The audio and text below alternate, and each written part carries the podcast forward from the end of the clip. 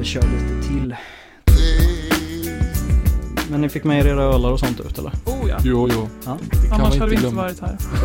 Det är gott ändå att Alla man, det är gott att man får med sig sina grejer. Skål! Skål. Skål på er. Eh, då får vi väl nästan eh, säga det att nu, nu är det lite alkoholromantik här också. För det, det blev Så så, sluddrar vi så vet ni varför. precis, det blev så himla långt där förra gången så vi får dela upp lite grann. Så, så kan det bli i moderna världen. Så kom vi på det, fan vi glömde ju en grej. Alltså det var inga vi, det var ju du Ja, det var jag. dock. Förlåt, jag försökte kollektivistiskt liksom lägga över ansvaret på någon mer än mig själv. Men det var jag som glömde en grej. Och det är ju eh, det lilla sextipset. Eh, och det är ett jävligt viktigt sextips. Som är liksom grunden för att man ska kunna ha något liggeri överhuvudtaget. Och det är lite så här. Eh, när det ska liggas, då måste alla vara med på liggeriet. Samtliga närvarande och vederbörande. Annars så blir det fan inget liggeri. Så att eh, okej är okej. Men är det inte ett okej, då är det fan nej. Det är ett viktigt sextips. Samtycke. Ja. Så är det. Så att den, den, brevbollen, nu är det någon som är besviken och det var precis det som var tanken. Men heter det politisk ideologi så måste man krydda lite för att eh, buljongen ska ner liksom. Så är det bara. Hornmedicin. Vi ska nog kunna komma på fler sextips med tidens gång här så att Det var kan, nog, lugna. det, det kan nog lösa Vi sig. tar över själva här också. Ja, precis.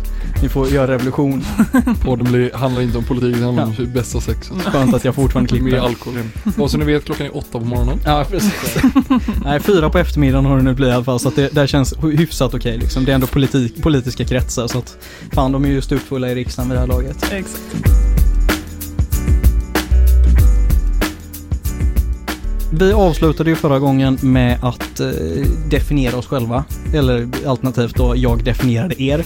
Så nu tänkte jag att ni får förklara vad fan jag menar.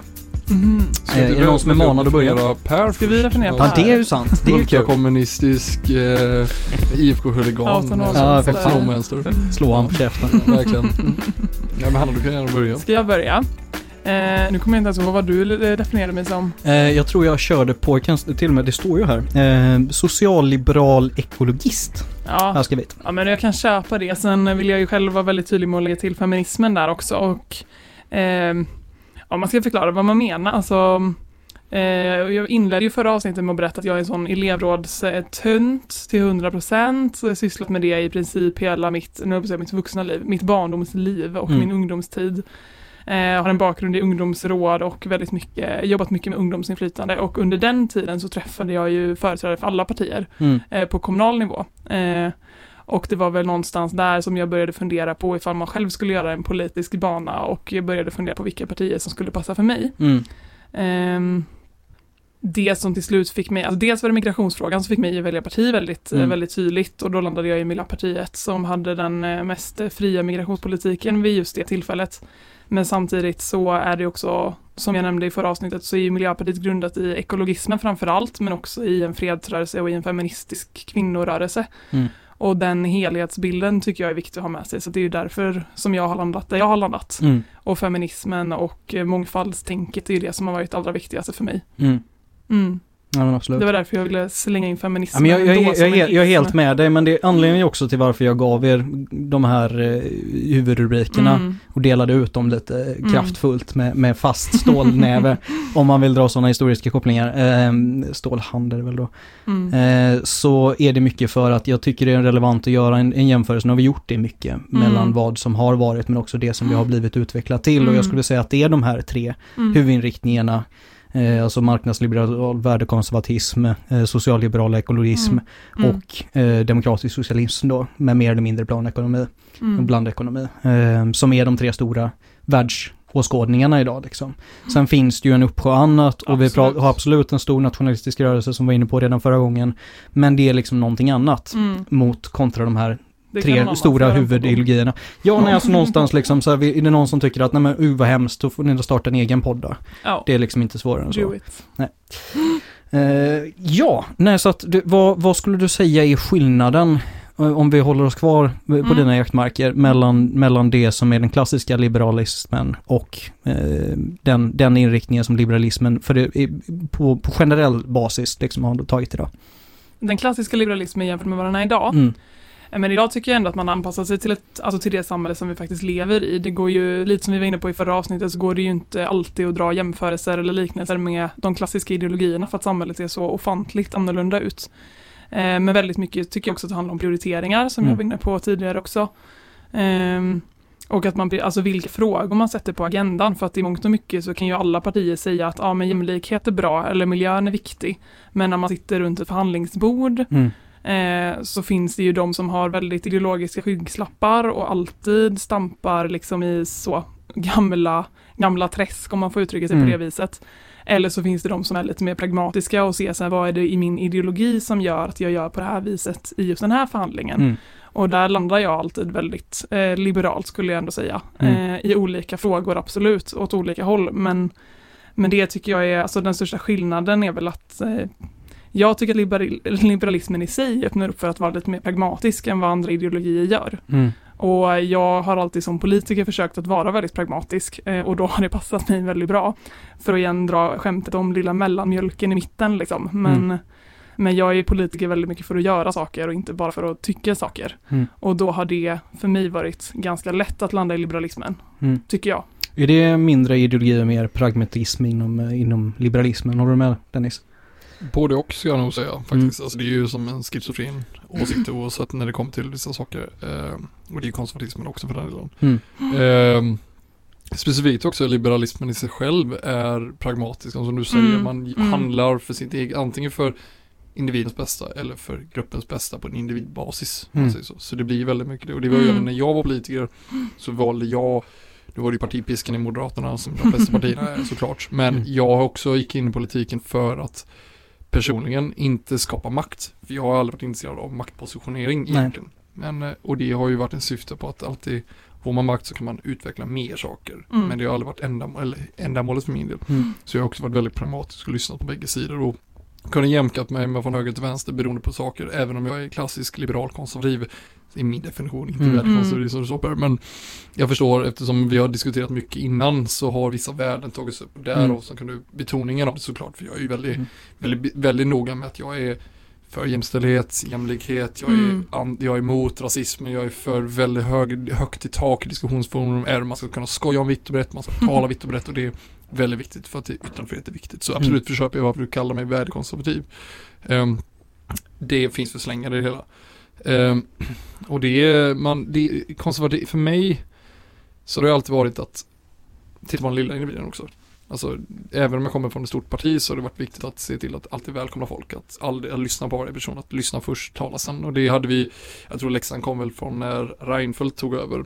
Så hade han som visit i partiet när vi tog, fick makten 2006. Eh, eller vi vann valet eller sagt, inte fick makten ska jag inte säga, men fick, vann valet så var det lärdomen att dags att lyssna och Mm. sluta köta. Mm. För att de flesta är trötta på pratkvarnar som oss tre här eh, månat mycket. Och eh, det, det tog jag med mig ganska hårt. Och det var Mm. det när jag lämnade politiken så blev det också en sån grej som jag gjorde när jag jobbat med humanitära frågor eller inom fotojournalistiken som är en av mina största Mm. yrkesbanor just idag. Mm. Nej men absolut, och det, det, det är precis samma sak som med Hanna, att liksom så att anledningen till att jag smetar det uttrycket på det är ju mångt och mycket för att jag vill ha in oss, kanske mer representera de här ideologierna Mm. och de främsta uttryckningarna, eller inriktningarna mot som de ser ut idag, Mm. än att ni specifikt liksom ska tycka de här grejerna rakt, Nej, nej, rakt absolut. 100% liksom. Och där, där Man får kan man... Man får leka djävulens advokat också. Jo, nej, men så, så är det ju liksom. Och det, det är ju där med partilinjer och sånt som vi varit inne på. Vi kommer alldeles strax landa i, i, i våra kära partier. Men eh, sen är det ju viktigt att inte glömma ideologin och där, där kan jag ju känna att egentligen generellt så är man lite för pragmatisk många gånger och det är framförallt ett politikerfokus och ett frågefokus som jag Mm. ser som väldigt negativt. Mm. För att då tappar man liksom bort skogen för alla träd. Mm. Och det, det är nog det som höll mig borta från politiken så länge. Det kan eh, jag förstå. Från att liksom så Absolut. göra någonting mer Ja. aktivt för att det blir, dels som du är inne på, eh, på Dennis, att, att eh, det handlar mycket om, om penismäteri och liksom maktställningar Mm. och, och maktstrukturer Mm. liksom och, och, och en, en värld som är ganska tråkig många gånger. Mm. Eh, och det var, pratade vi mycket om förra gången att, att liksom det, de här gubbarna, framförallt gubbar, Mm. eh, klarar inte av att hantera den här makten utan eh, blir, blir då stick i stäv med liksom vad de egentligen slåss för. Eh, och då, blir det, ju- då faller ju hela kakan liksom. Nej, sen är det ju lite spännande med socialismen just för att det är ju kanske den som man lite elakt och positivt kan säga att det har hänt minst med. eh, rent ideologiskt Mm. över de här liksom, åren som har varit för att det är fortfarande ungefär samma värde och det är fortfarande ungefär samma system man vill ha det på. Sen har man testat planekonomi och, och till stor del liksom insett att det, finns stora problem där som man behöver åtgärda. Det finns en del verksamhet som går att ha planekonomi mer eller mindre. Det, går, det finns en del verksamhet som kanske inte lönar sig liksom, och där det inte fungerar lika bra. Och där, där får man ju vara eh, pragmatisk. Mm. Det är mångt och mycket på hur, hur världen ser ut idag också, att man får ju anpassa sig till den världsekonomin som det ser ut idag liksom. Och klassisk socialism grundades ju mångt mycket och framförallt ännu mer kommunistiska systemet Mm. på att det skulle vara det i hela världen. Och, och det, det landet bor man kanske inte riktigt i liksom. Nej men där kan jag väl fylla i lite för jag tycker också att så här, idag handlar ju politiken Alltså vi lever ju i en väldigt globaliserad värld och Mm. om man pratar om de klassiska ideologierna så är det ganska lätt att fastna i nationella frågor. Mm. Medan om man ska prata ideologi idag så handlar det, alltså jag har ju min bakgrund som kommunpolitiker och aldrig engagerat mig på något annat plan. Eh, utan är så kommuntant i, i själ och hjärta. Varit sedan jag var 14. Men, eh, och där kan det ju vara svårt tycker jag ibland att ha ett ideologiskt perspektiv för att det blir så nära lokala frågor där det är svårt att liksom bena ut facken på något vis. Mm. Eh, Medan man samtidigt har ju sin värdegrund som man står på som kanske grundar sig på vissa Mm. värden som baseras på en viss ideologi. Alltså som vi har varit inne på tidigare, frihet under ansvar till exempel för mig. Eller att man ska få hjälp när man behöver men att samhället inte heller ska vara där och liksom bara vara stöttepelare för sakens skull till exempel kan Nej. jag ju tycka ändå anpassas på ganska många lokala frågor också. Men det är, det är lättare att prata ideologi kanske på nationella eller globala plan men samhället ser ju väldigt olika ut. Och Absolut, ska du bygga ett frågor. badhus liksom, hur Ja, men hur ideologiskt är är det? kampen liksom? Jävligt sexigt. Ja, fast i och för sig, jag var med och röstade som, som kommunpolitiker så kan man ju ställa sig frågan, är det kommunal kärnverksamhet att Liseberg ska Mm. bygga ett badland? Ja. Det är ändå en, det Vilken kan ju vara en ganska, vad sa du? Vilken kommun satt du i? Ja, det, nu pratade jag om Göteborg med Liseberg, men Mm. tidigare är jag från Borås, där Mm. vi till exempel driver en kommunal djurpark som går back varje år. Det kan man ju också fråga sig, är Mm. det och det, alltså när jag säger kommunal kärnverksamhet så menar jag så här, är det någonting som en någon annan, någon annan borde göra eller någonting Mm. som kommunen borde göra? Och då är man ändå inne på de här ideologiska frågorna. Mm, absolut, nej så är det ju och där är det ju en, en stor, eh, det var ju en liten sammanslutning hos dig här i, i helgen den är så, som Mm. vi närvarade på båda två. Eh, och det har det ju varit tidigare och där, där är ju en av få debatter där jag känner att jag, jag har fått på, fått på tasken liksom för att jag inte hade koll. Mm. Eh, och då pratade vi just om liksom det här med, med, med kulturellt stöd och, och vad man ska stötta och där hade jag för dåliga argument. Det var inte att jag tycker fortfarande inte att jag hade fel. Men, men, eh, men det finns liksom det, det finns ju ett behov utav att se vilken typ av verksamhet som är vilken typ av verksamhet Mm. men också att se ett bredare värde i verksamheter. För till exempel den här djurparken, om vi då ska dra det ett steg längre. Vad är en funktion med en djurpark? Jo, det är både en, en trevlig grej med familjen att gå och kolla på, men det är också ett sätt att visa upp djur så att man tänker på djurens rätt. Och liksom, Mm. då blir det ju helt plötsligt, ska man välja in den, det värdet i liksom, så, så finns det någonting annat. Och samma sak då, om, ofta pratar man ju om de här ganska smala kulturella riktningarna, Mm. eh, som diverse konstformer liksom, där man använder kroppen som redskap och sånt. Och det Mm. är ganska svårt att förstå för gemene man och det är liksom ingenting som som lockar på samma sätt som fotbollen till exempel. Liksom, och därmed inte ska kosta så mycket resurser som den gör. Då kan man liksom dra sig ja, egen nytta och, Mm. och stor samhällsnytta och sånt. Men, men samtidigt så är det ju de här verksamheterna som gör att vi kommer framåt och vi kan Mm. utveckla. Mm. Eh, och har vi inte utvecklande kulturell verksamhet då, då stannar ju kulturen av. Och där hade ju min eh, samtalspartner då, eller motståndare om jag ser det som, eh, åsikten att men fan jag målar Warcraft-gubbar eller Warhammer eller något sånt där heter det. Eh, så att det är ju mitt kulturella uttryck och det är ju lika viktigt som att eh, Mm. göra den här eh, nakenkonsten eller vad det var han Mm. hade för, som en grej. Och jag hade inte riktigt ett argument för det för ab- absolut så är det ju ett kulturellt uttryck för honom, det kanske rör ungefär lika många människor. Men det kommer ju till det där socialistiska ska igen, samhällsnyttan, Mm, alltså liksom vad är gagnen för att du målar en alv kontra att liksom någon Mm. gör ett, ett, eh, ut, en utställning mot rasism som kanske får jättestora konsekvenser Mm. liksom, men bara vi vet inte om det just nu. För att det behövs sju, åtta generationer framåt Precis. innan man liksom ser storheten i det. Men som Picasso som liksom kom på. som en klassisk liberal i den här frågan, sjukt nog. Eh, jag tror det är för din del. Eh, så jag säger att det bor lite folkpartist i det. Nej. Alltså jag, jag, du, det var väl du och jag som myntade att jag är ett blåbär, blå på utsidan Ja. och röd inuti. Så att det, det, det, det, ganska det, det finns väl... det var eh, roligt när du, resonerar så. Men jag vill bara flika in och säga det som du sa, att det är Mm. svårt att vara ideologisk när det kommer till lokala grejer. Kanske Alltså just ibland. i blå, Ja. men ibland ja. Mm. Men det är det ju också, för att om vi ska nu, för den gemene lyssnaren som Mm. lyssnar på oss när vi står och tjötar om de här sakerna, Mm. Så ska vi också tillägga att när man blir politiker så försvinner eh, politiken, då är det policy making. Ja, Ja, och det är det mycket.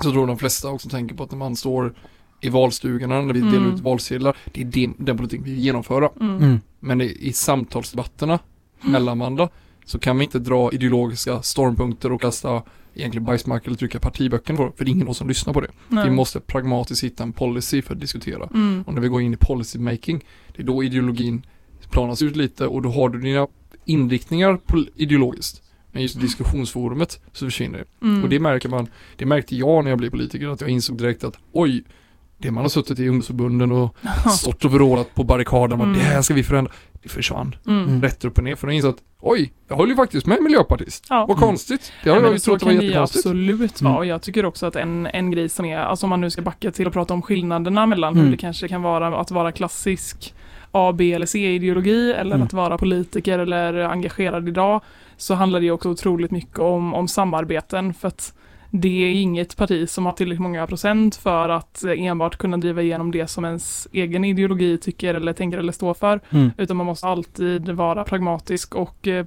ja, förhandla och så med, med andra. Mm, Eh, mm. och då blir det ju, vilket jag också kan tänka mig att många lyssnare tycker, en, en stor röra i slutändan där man inte förstår hur blev det så här och varför Och tyckte det här tyckte ju inte Mm. riktigt någon och hur blev de överens från början och la la la la. Och, och det är ju kanske den tråkiga sidan utav det men det är också så det funkar liksom. Mm. Sen kan jag då också sakna att liksom så här, det, det är för att motverka det och varför det är så jäkla jämnt. Det är ju Mm. just därför. För det, det blir ju lite moment 22 att om alla Mm. partier ändå landar i ungefär samma slutsats liksom för att nej, men vi måste vara pragmatiska och se läget. Mm. Då har vi ingen möjlighet att flytta fram positionerna utan då kommer det ju fortsätta ganska status quo liksom. För att nej, men vi kan inte komma överens om någonting annat för det är så jävla splittrat. Och då blir det ungefär lika många som stödjer den inriktningen som föräldrarna gör eller kompisarna gör, Mm. vad fan det nu är för någonting. För att ja, men det, det, liksom, det blir ändå ingen skillnad.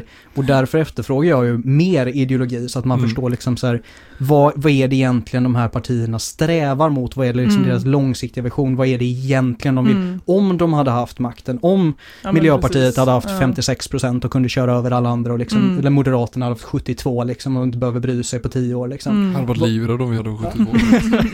Ja, jag med. Det Jag- spelar ingen roll om jag håller med. Jag hade ju inte fått ta den här podden, nej det ska vi inte vara sådana.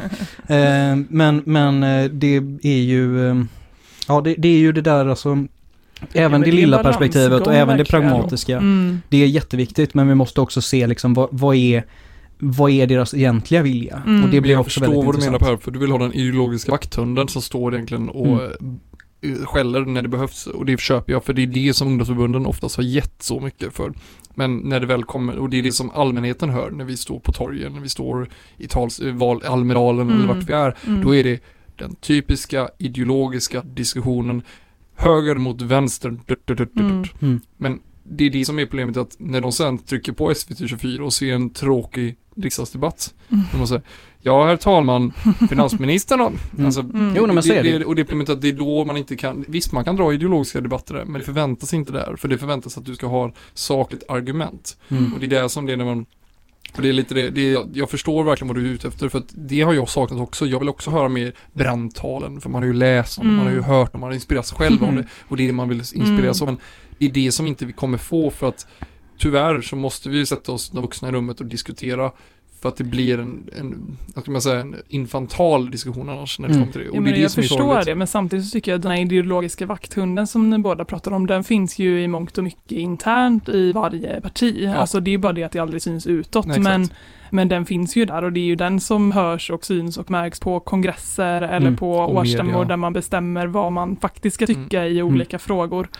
Eh, och det finns ju hur många exempel som helst på där partier är splittrade internt och Mm. då står ju folk ändå där i kongressstolen och håller de här brandtalen för Mm. sina frågor. Och men det- det är ju inte det som kommer ut liksom. Nej, Men jag tycker att det är viktigt att ha Det sagt att det Precis. finns. Och det- det är ju Mm. där, det är där som jag känner att det är ju där vi misslyckas som demokratiskt samhälle. Att Absolut. inte släppa fram de här eldsjälarna som är liksom är de ideologiskt drivande inom partierna utan att det är liksom mångt för mycket partilinjer som ska gå igenom. Man får släppa liksom för att nu, är det, nu sitter vi i det här parlamentariska läget och så får du liksom hålla käften med dina Mm. åsikter för att det, det viktiga är Men att vi får tycker jag makten här. återigen vi är lite tillbaka på prioriteringar och att det kanske är är det, det. som är ideologi idag är ju liksom vad, vad sätter man överst på agendan. Mm. Eh, precis innan vi började spela in den här podden nu så kom nyheten om att Moderaterna och sossarna inte har lyckats komma framåt i migrationssamtalen. Mm. Utan att Socialdemokraterna har valt, ja, jag har inte förstått exakt än, men att man går på någon typ av miljöpartistisk linje. Den gröna elefanten i rummet stod det i artikeln jag skummade igenom. Det är ju ett fantastiskt, eh, Fantastiskt slogan. Alltså jag känner, det, det Jag är inte det är eran valslogan nästa gång så är det liksom, då har ni ju misslyckats Rösta totalt. på den gröna Eh, ja. elefanten i rummet. Jo, nej, men alltså det, det ja. Nej men och där är det ju, där har ju Miljöpartiet satt, alltså jag vet inte om man ska kalla det för ideologiskt faktum, men ganska mycket ändå, Mm. hårt mot hårt, att så här, det här är en av våra viktigaste frågor. Eh, och det kanske är det som har saknats i den debatten ganska Sen länge. kan man ju då också hävda att Miljöpartiet gör det av pragmatiska överlevnadsskäl för att man behöver liksom ett sätt att synas mot, gentemot ja, det, det finns Socialdemokraterna. säkert absolut jättemånga Eh, anledningar så att till att det- det, är liksom- så. det går ju- men- Jag bara drar en liten parallell till någonting som är lite Mm. roligt där. För att jag hör vad ni säger och jag håller med i mångt mycket. så För jag förstår ju bägge sidor i det här fallet. Mm. Det, är det, där. det är att vi, eh, media för det första porträtterar ju gärna brandtalen, de här nyckelorden Mm, och, det, mm, och tar upp upp det för värde, för de säljer ju löpsedlar. Det, det är just det och löpexemplaren. så media funkar. Ja, det är det Ja. det är och därför är det så att när vanliga lyssnare hör en renodlad politisk debatt, Mm. då somnar de och undrar vad fan, de säger ju inget viktigt, äh, vad fan är idioter? Det är inget Och sen hörde du, men de trycker inte på tv, de vill helst inte trycka på tv och sitta och titta på en slö partidebatt eller, för det är bara internpolitik av folk Mm. som håller med varandra. Mm. Håller med, och nu gör jag situationstecken Mm. på detta. Det är ju inte allt de gör, det gör de ju absolut inte. Det låter så. Mm. Mm. Någonting jag kommer, det är en lite kontroversiell bit faktiskt, men jag måste titta på de, några få, de två partierna egentligen som har mest ideologisk, Mm. alltså kamptalen i riksdagen. Och det tycker jag är sy- det är egentligen synd, men det är ju sant. Det är ju verkligen Vänsterpartiet och Sverigedemokraterna. Absolut. Och det är Mm. det som är, jag skräms lite över att just när vi åt, vill återberopa just Mm. kamp, de här kamptalen, de här grejerna. Och så hör Mm. du Sverigedemokraterna säga det och det skrämmer mig för att det är många som sen säger i vanliga fall, ja ah, men det där säger de exakt vad vi vill höra för det. Nej, de har ingen policy. Det är ingen policy. Det är det bara i den här partiboken och det är det folk vill höra. Då är skrämmer jag mig, skräms för att då har folk valt att gå den enkla linjen. Mm. Mm. Jag, jag gillar, Sjöstedt har väldigt, väldigt duktig talare och han är Mm. väldigt god retoriker.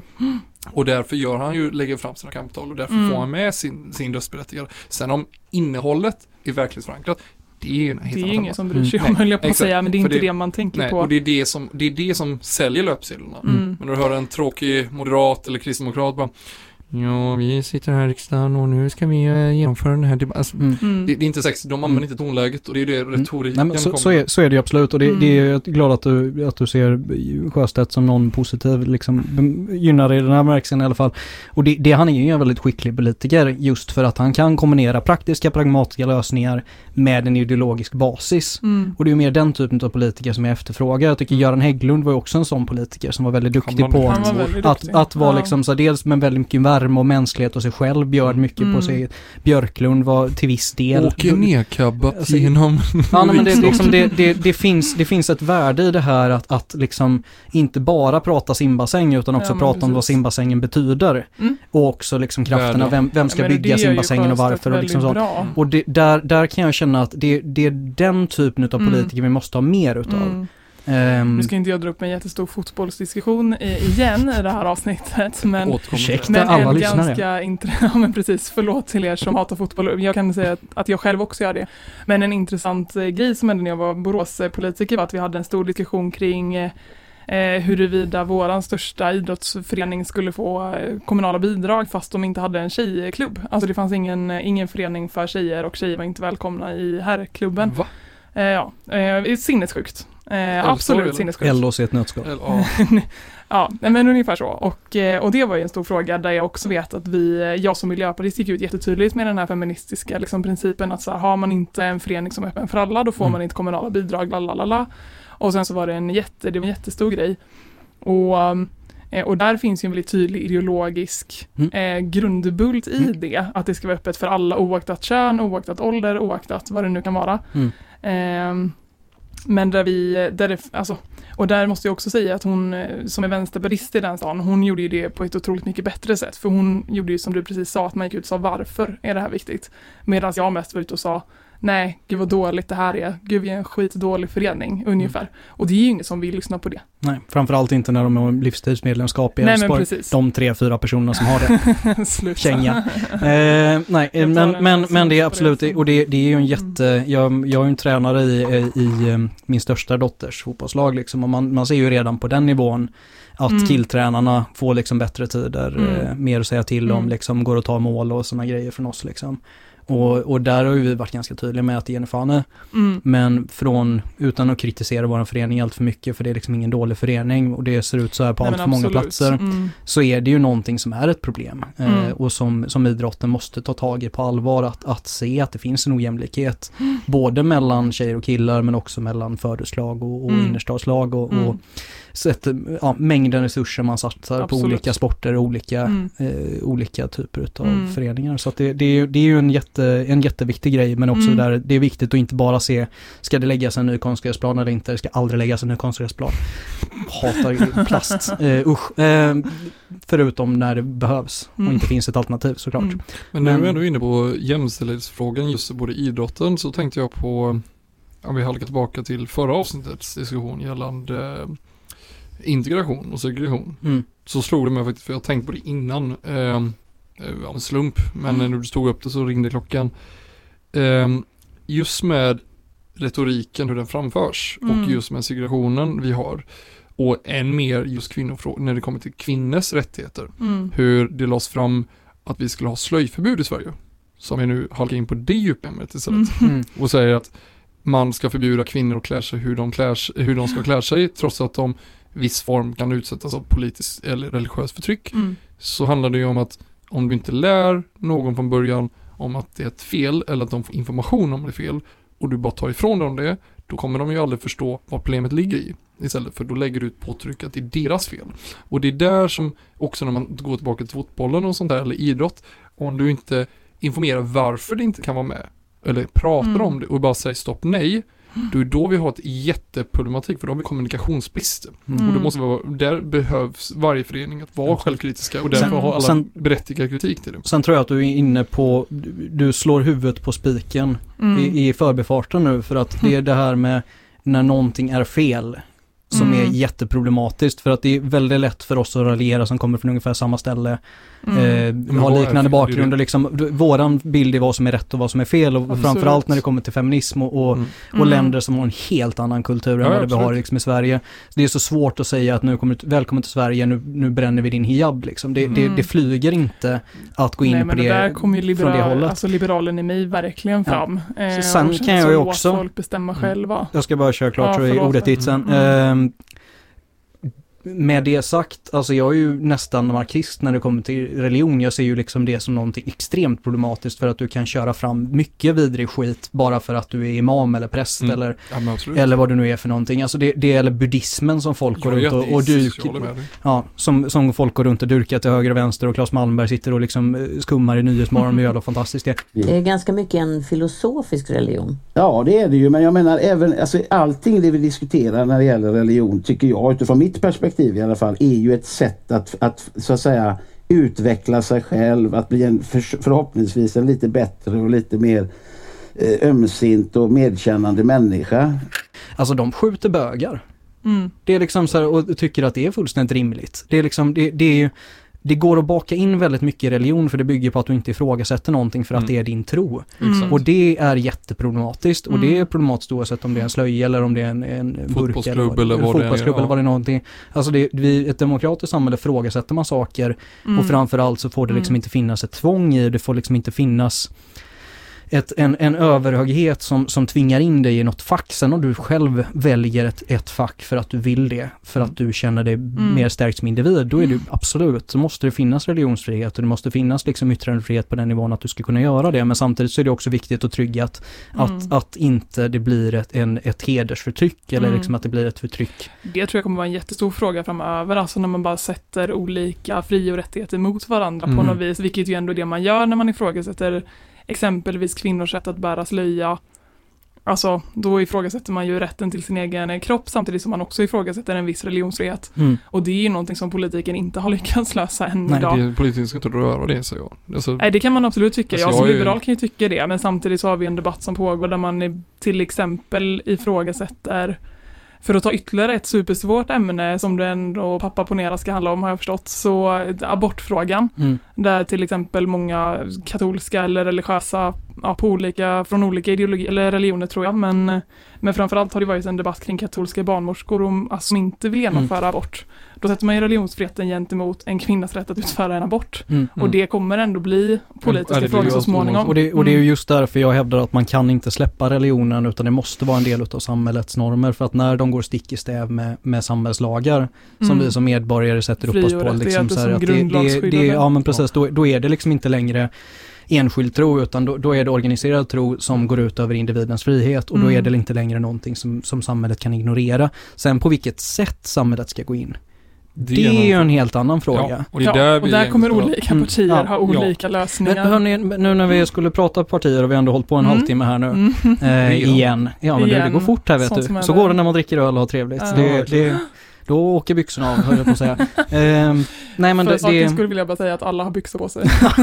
Och det är pappa ponerar, inte sexuella. Nej det är väl, ni får, ni vill i och för sig ha era sextips här så jag vet inte om de kanske Ja, lägger och släppa in i det här avsnittet men, men, eh, men vi, vi håller det till en annan dag tror jag. Nej men om vi nu ska köra igenom våra partier här bara så att vi inte har puffat för någonting som aldrig kommer. Mm. Ehm, ska vi börja från vänster eller höger? Är ända höger. Mm. Ska. Ja, men då, då, då tar vi ändå upp, jag tror att eh, Jag fattar mig kort, för, eh, kort på det hela. Eh, Ja. Jag är tidigare moderatpolitiker. Jag lämnade 2018 som kommunpolitiker och lämnade Mm. Moderaterna 2019 i juni. Så jag har varit ett år fristående borgerlig debattör som Mm. någon gärna vill kalla mig, men det är jag ju inte ens i mina ögon. Men eh, eh, beroende på frågan, för du hade väl en fråga gällande Ja, nej, jag, jag hade en liten tanke först. tycker jag det är väldigt intressant att när vi säger från höger till vänster så säger du Moderaterna före, du säger Sverigedemokraterna. För jag skulle nog placera Sverigedemokraterna Ja, längre till höger ut. Det är din definition. Ehm, jag, alltså, för mm, Men det, det, är ju, det, är ju, det, är Ja. det är ju absolut en definitionsfråga och jag tycker att det är, det är ju intressant just att du väljer att, lägga Mm. Moderaterna först. För det, är- Mm. det, det är ju en, en, jag skulle också tippa för att det finns ganska mycket som säger att Kristdemokraterna ska vara längst Ja, ut ja, till absolut. höger. De, liksom. om du tittar på skalan, om vi inte ser på Galtan, alltså Mm. den fyrskalan, då är ju Sverigedemokraterna enligt generell uppfattning långt höger. Mm. Men om vi tittar på ett ideologiskt perspektiv som vi pratade om innan i förra avsnittet så var det ju, för mig, de är inte konservativa. De är nationalister. Och det är inte konservatism. För mig handlar det om ett bakåtsträvande istället för ett bevarande. Och det är det jag är rädd för. Mm. Så de är en, de tillhör en brun fraktion i mina ögon. Mm. Och det har han gjort sedan de startade och det kommer Mm. jag stå fast vid. Men Mm. tittar vi då på, om vi ska nu ta den klassiska svenska perspektivet på det, hur media och hur generell tolkning av det hela Mm. så gör det. Så är Sverigedemokraterna längst åt helvetet. Det är alltså mot högersidan. Mm. Sen kommer Kristdemokraterna, så Moderaterna, Liberalerna, Centern. Eller tvärtom, Centern, Liberalerna, Miljöpartiet, sossarna och Vänstern. Mm. Så där har du den perspektivskalan om vi tittar på en klassisk bit i Sverige. Mm. Men det är en definitionsfråga fortfarande vart man står. Jo, nej men så är det ju och det, det, det finns ju olika sätt att definiera de olika grupperna liksom. Eh, men jag tänker ändå att det är nog enkelt att hålla sig med höger vänster perspektivet bara för att göra det lite, lite enklare. Så kan vi väl blanda in liksom, för sen är det ju också frågor i frågorna. Mm. Jag menar, Mm. kollar du på en, en marknadsliberal sida så är ju Centerpartiet långt till höger om Folkpartiet. Mm. Men kollar du på en, en, en individuell frihet och liksom så här hur du ställer liksom så här individen kontra samhället så är ju vänster, eller istället, då är ju förhållandet omvända liksom. Mm. Så att det finns ju verkligen frågor som inte, som inte går att lösa. Så det är jag därför jag tänkte så om vi håller oss till Galtan, Ja. alltså den fyrkanten med fyra boxar Mm. som höger till vänster, Mm. Ja. sociala eller auktoritära aspekter. Mm. Precis. Då är det ju, då har man ju helt olika, då är ju högst upp i högra hörnet sitter ju Sverigedemokraterna, eller norr, Ja. no, högst upp auktoritär och mindre sociala frågor. Medan Moderaterna ligger lite mer i mitten, Kristdemokraterna ligger mitt emellan Mm. dem Mm. och sen har du lite blandat. Ja men de andra. Och det är den som är den mest vedertagna egentligen, men för att enkla för lyssnaren är det ju den, sk- den skalan som är egentligen lodrätta som vi pratar om i Mm. rättsläget. Men ja, och jag vet att Per jättegärna vill hålla sig till den här. Du, får, du kommer kanske bli arg på mig. Men jag skulle ändå vilja hålla mig lite mer vid Galtanskalan. För jag Mm. tycker, alltså som eh, återigen mellanmjölken så är det väldigt svårt att placera in sig. Alltså både Miljöpartiet, Liberalerna och Centerpartiet hamnar ju väldigt ofta bara i mitten på den här skalan. Medan jag egentligen inte riktigt, det är ju verkligen en förenkling och den kan Mm. vara bra för en skolbok för barn som går i femman, kanske, mm. kan jag tycka. Men, men den håller inte riktigt. Vet ni vad vänner? Jag står här och nickar. Som man aldrig ska göra i radio, liksom ändå Nej. radioutbildning. Ehm, så vi, jag backar.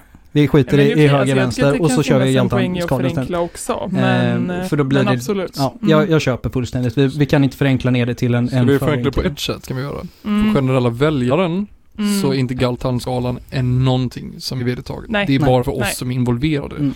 Men om vi tar den, om vi tar den enkla skalan då på lodrätta skalan Mm. så är det så att man definierar gärna alliansen som gamla alliansen var att Kristdemokraterna, Moderaterna, Centern, Liberalerna. Mm. Och sen gick Centern, Liberalerna över till vänsterskalan och då var den här, Ja. den här mittenfasen gick över till och då var det lätt Mm. att definiera det. Mm. Precis. Men om vi tittar på en, om vi, även om vi ska hålla oss från de akademiska begreppen, Mm. men just det att de är, de har ett helt annan, annat perspektiv i det hela. Men då gör vi- på det. Då tror jag att vi gör så här för att göra det enkelt. eh, För att knyta ihop säcken med förra avsnittet också med det Mm. vi har pratat om Mm. tidigare. Vi har ju slängt oss med ganska många olika begrepp och har man lyssnat och varit med lite grann i alla fall så har man ändå lite, lite förhållning liksom till vad det är Mm. för någonting.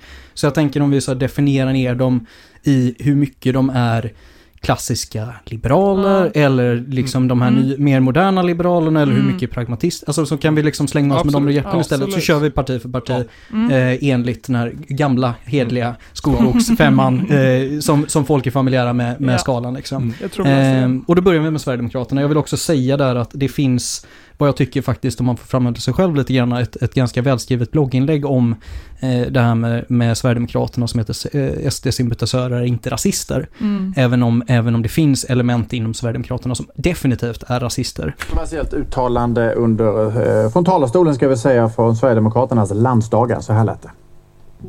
Det finns en skala. I den ena änden av den skalan då man 100% fullt ut människa, human. Allt vi, vi lägger in i det begreppet. I den andra ändan då är man 100% mohammedan. Om man är ex-muslim då har man kommit ganska långt mot att bli fullt ut människa. Eh, på- Den generella väljaren är inte rasist. Nej, och det, det, det det är förbannat viktigt att komma Ja. ihåg för att det är ett missnöjesparti. Och då ska Mm. inte heller sägas som ett missnöjesparti liksom som det ofta gör, i, framförallt i media, med att liksom lite förakt för det är folk som inte har koll på... Li- det är absolut folk som har koll på verkligheten och som lever i verkligheten, vilken media däremot inte gör alla gånger. Utan liksom så det handlar om att man är jävligt besviken Mm. på vart Sverige är någonstans nu. Sen att det leder till att man mycket tack vare media eh, lägger skulden på invandrare Mm. det, det är liksom pro- jävligt problematiskt, men det, det är ju en sån här klassisk nationalistisk grej att istället för att se det, det inhemska problemet så, så ser man ett externt hot och så blir det Säljer löpsedlar. Ja, nej men det, är dels det och sen så är Mm. det, om, om man tycker att det är lite jobbigt så, så är det enklare att, att, att måla fan på väggen än att liksom försöka gå in och förstå vad fan är för någonting. Så att, eh, Men så, tar så vi, vi, som du säger, vi ska inte, vi, det är ingen av oss i rummet som målar ut någon person för att vi ska inte, vi förringar inte den allmänna väljaren. Absolut inte, för de väljer oss, det är de som röstar på våra kollegor, det är de som, Ja, och det, det är absolut inte det, det är politikerföraktet, det finns lika mycket som väljarföraktet och det är Absolut. vedertaget för att bägge Mm. grupper stör sig på varandra för att Mm. man tänker, ah, hur fan kan du rösta på dem eller Mm. hur kunde du ställa upp på de här sakerna? Mm. Det är vedertaget. Som du säger, den allmänna röstaren tänker inte på att ut med invandringen, de är dumma huvudet för de är ex etnicitet. Mm. De tänker på vad är det bäst för sig själv. Mm. Och när de ser media och ser porträtteringen, hur man inte tar tag i frågorna. Det ena, vi säger nu X förort i landet. Nu ska jag Mm. inte s- måla ut någon, peka ut någon, men vi säger bara X förort, eh, X mellanstor stad brinner, för det har varit några bilbränder. Mm. Integrationsfråga, identitetsfrågor som bygger till det. Media tar det för det säljer löpsedlar för Mm. Det är väl det är lite sexigare att sälja, ha fyra bilar som ser ut som Bagdad än Mm. en vält soptunna i typ en, en lite mer medelklassområde. Mm. Det är där vi får titta. Och då är det ju såklart att den vanliga väljaren ser det Mm. och det tittar. För den kanske inte är lika insatt som gemene man är. Och det förringar jag inte. För att politik är för oss nördar och nördar älskar sånt här och diskuterar djupa frågor och då har vi ju den svaret. Men Mm. när vi sitter där och lyssnar vid matsalsbordet och lyssnar på det och ser nyheterna och porträtterar det, såklart på någon Mm. blir förbannad och det är såklart får de röster för det. Och när de etablerade partierna våra partier, valt i flera år totalt ignorera och ta debatten. För det har varit debattförbud i de flesta partierna Mm. mot Sverigedemokraterna för man har aldrig tagit dem seriöst. Nej. Och man har inte velat ge dem medial uppmärksamhet. Mm. Och istället för att göra det har vi ju bara skapat problemet vidare för att då har vi bara, nej men de får inte, de får inte komma till tals. Mm. Tro fan på att de ska få komma till, då får rösta på dem. För då får de, Mm. kommer de in i vår Mm, spelutrymme och ska ställa till det. För då leker de runt. Ja, och sen skulle jag vilja backa lite till när du pratade om retorik också. Ja. Att det är så här, om någon kan säga, eh, det behöver inte ens bara vara migrationsfrågan, men alltså likväl som ut med invandrarna är ett jätteenkelt svar på migrations eller integrationsfrågan. Lika väl som Eh, ja men kolla på USA, USA och Kina är ett jätteenkelt svar på miljö eller klimatfrågan. Alltså det finns ju sådana enkla svar inom alla politiska frågor. Mm. Eh, och när det finns partier som alltid kommer ha de enkla svaren som går att uttrycka på 30 sekunder och som make sense i, i liksom alla människors öron. Så kommer det alltid finnas någon på andra sidan som kommer och säger ja fast det är inte så enkelt, vi måste ändå problematisera frågan ytterligare och så kommer de här akademiker, politikersvaren. Mm. Och där har ju alla partier, skulle jag ändå säga, en eller alla partier, men alltså de flesta partierna en väldigt stor utmaning i att faktiskt kunna prata på ett sätt som folk förstår. Mm. Mm. Nej, och det, det är ju det som jag upplever och det är lite därför Mm. vi står här överhuvudtaget. Mm. Att det är ingen som riktigt är också intresserad utav att göra det. För att man Nej. tycker det är ganska bekvämt när man får liksom ha sina fikamöten i fred liksom och, och åka och, och käka Du drog bullar. ett Churchill-citat förra podden, jag tror att ett annat, jag tror att det är Churchill, jag tror att han också har sagt nämligen att alla, alla vet vad som behöver sägas för att bli vald, men ingen vet vad som behöver sägas för att bli omvald. nej. Alltså samtidigt som man Mm. gör rätt saker. Mm. Liksom. Samma sak som han sa, eh, största argumentet mot demokrati, Mm. vissa fem minuter, ta fem minuter med den generella väljaren. Mm. Mm. Det är också samma Exakt. sak. Ja, och det är polit- väljarföraktet. Ja. liksom, Mm, vi Och det, där, där är ju egentligen, det skulle jag säga, ett av våra absolut största problem, demokratiska problem just nu. Mm. Att det är för långt mellan, ja, det är, om vi ska dra Väldigt fotbollsparalleller, det är för långt mellan mittfältet och backlinjen Ja, liksom. ja. Det, det, det måste bli ett öppnare samtal, ett samtal som bjuder in och framförallt Mm. ett samtal som inte exkluderar. Exakt. Och använder ord som just exkluderar. Och så ett sa- samtal som inte stänger ute folk som inte har en högskoleutbildning. Mm. Och det är jätteviktigt för att vi ska kunna ha en demokrati på riktigt. Ehm, åter till Sverigedemokraterna för att inte prata om Sverigedemokraterna på samma sätt som man brukar prata om dem. Nämligen inte med vad de tycker utan, utan om hur man hanterar dem och Ja, relationen precis. till dem. Ja, Du ska få köra klart först. Jag ska bara säga det innan jag fortsätter, det är att vi sitter ju inte här och säger så, återigen att den generella sverigedemokratiska väljaren är rasistisk och, vi, och är det någon som lyssnar på oss som skulle må hända vara sverigedemokrat så är det ju förvänta mig att du har valt dina Mm. åsikter med omsorg Mm. och inte tagit det bara i luften för att du är arg. Mm. För att då är det då, då önskar vi bara dig att du läser på eller det, för det har ju de flesta väljarna hoppningsvis göra och det är Mm. ingenting för att trycka ner. Nej. Så det är inte, du får rösta på vad du vill för är en fri demokrati. Jag, jag, jag har pratat med väldigt mycket Sverigedemokrater. Ja. Jag, jag har en arbetssituation som gör att jag gör, rör mig i världar där det finns ganska gott om Sverigedemokrater. Och de gemene Sverigedemokraterna är ju väldigt långt ifrån att vara någon typ av rasism, eh, rasist. I alla fall liksom mer, medvetet är fel ord, men, men, men i alla fall eh, med, med en en agenda att Mm. vara rasist liksom, utan det är mer att man ser det som en, det, det blir liksom svaret för att Ja. det blir en komplicerad fråga. Men vi får släppa Mm. det här Mm, nu, absolut, för nu har vi absolut. hållit på i snart eh, 40 minuter, eller drygt 40 minuter igen. Mm. Eh, så att vi, vi försöker komma åt till det vi skulle prata Ja, om. Nej, men, Eh, och Sverigedemokraternas åsikter, då, då skulle jag vilja säga om vi ska placera in de här efter de här eh, ideologierna som vi har pratat om, då är det ju i stort sett bara det konservativa som vi kan hitta kopplingar till, vill jag Nej. hävda. Det vill inte jag hävda. Nej. Nej. Då släpper jag ordet. De, de har en, det är en klassisk koncept att kalla dem konservativa. Men det är det ju inte och det har vi, det har många idéhistoriker och många, många nu, kan man säga opinionsbildade även sagt att de har gått, de vill gärna kalla sig värdekonservativa och Mm. Det, men de är mer åt ett nationalistiskt håll Mm. eftersom att de värnar om just premisserna om att svensken först, Sverige, Mm. nationalstaten. Det som klassiskt som Kristdemokraterna och Moderaterna har gått ifrån för långt, långt tillbaka. Och det är därför är det förenklat att säga att de är bara konservativa. De kan vara konservativa för värdehållning. Mm. Absolut, där kan Mm. jag förköpa det. Men ideologiskt sett har de inget med konservatismen att göra för de går emot det för då går vi tillbaka till en värdesättning att det ska kvinnas, de har sina kvinnoförbund de säger exempelvis att kvinnor abortlagen, de ska Mm. gå in, måste in, så de Mm. har inte den där klassiska som den som klassisk konservativ handlar om när det kommer i modern tappning. Det är därför de inte är längre, de hade vi gått backat baka typ 75, 70 till 80 år, absolut, då hade vi kunnat kalla dem värdekonservativa eller, Mm. eller liknande. Men de är inte det i dagsläget, de är mer åt en nationalistiskt håll. Mm. Ja men det är absolut, det, det är helt med dig på och du ska få ta över nu Hanna för jag har pratat Ja, nej, men mycket. jag, köper, alltså, jag, jag köper till viss del det du säger ändå. Eh, men samtidigt som jag tycker att om man nu ändå ska prata om partierna som de är idag kopplat till klassiska ideologier. Absolut så, eh, alltså att, de är att det är ett nationalistiskt parti finns det ju ingen, ingen tvekan om. Men om man ändå skulle ta många av de politiska debatterna som pågår idag, du nämnde till exempel abortfrågan, Mm. där jag tror, ja, jag ska inte i för det, men jag är ganska säker på att både KD och SD vill till exempel sänka alltså veckogränsen för när man får genomföra en abort. Och det är ju bara de två partierna som vill det. Och då kan jag tycka så här, det finns lite för många politiska frågor där KD och SD håller med varandra för att helt separera dem från samma ideologi. Och Ja, att men det- någonstans måste det ändå finnas någon typ av konservatism hos Absolut, båda de absolut. Partierna. förhåll, återigen, konservatism är ett förhållningssätt. Mm. Så absolut är det Mm. ett förhållningssätt om det. Men om vi tittar på ett klassiskt konservativt, om man tar nu situationsmässigt, Mm. ideologiskt perspektiv, så är ju Kristdemokraterna mer kristna. De har ett kristet Ja, förhållningssätt. det är ju ett kristet Ja, och det är värdeparti. värdeparti, och det är Mm. Det är det, om vi ska kalla dem väderkonservativa så kan jag jämka mig mer med det. Mm. Men de är Mm. inte, där är det en förenkling fortfarande, det är det jag menar. Men om vi ska förenkla Absolut, begreppet ja. så är de väderkonservativa Mm. i så fall. Men det, är- det är för att ett, jag, jag, jag försöker jobba emot att de kallas konservativa för att ett, det, är en, det, det, det gör att de som är konservativa har svårt att kunna uttrycka sig för då kidnappar de ytterligare mer Mm. epitet som de flesta klassiskt liberala eller klassiskt liberala eller konservativa skulle kunna säga att "Nej, men det är jag med.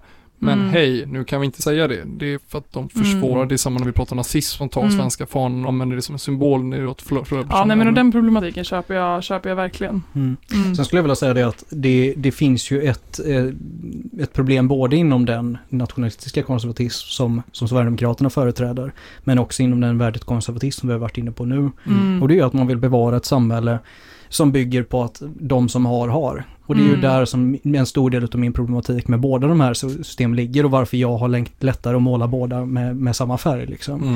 För att jag, jag ser ju grundproblematiken i att liksom så man vill att kapitalisterna eller kapitalet ska fortsätta att ha kapitalet. Sen om man vill byta ut övre medelklassen och, och lägre delen av överklassen lite titt som tätt liksom. Det, det är egentligen ganska orätt, ovidkommande för mig liksom. Utan det, det som jag tycker är intressant det, det är ju att det, båda är egentligen ideologiska rörelser som strävar för efter att de som sitter på toppen ska sitta kvar. Mm. Och det, det har jag svårt att komma ifrån oavsett om man vill kalla dem för nationalistiskt konservativa eller värdekonservativa.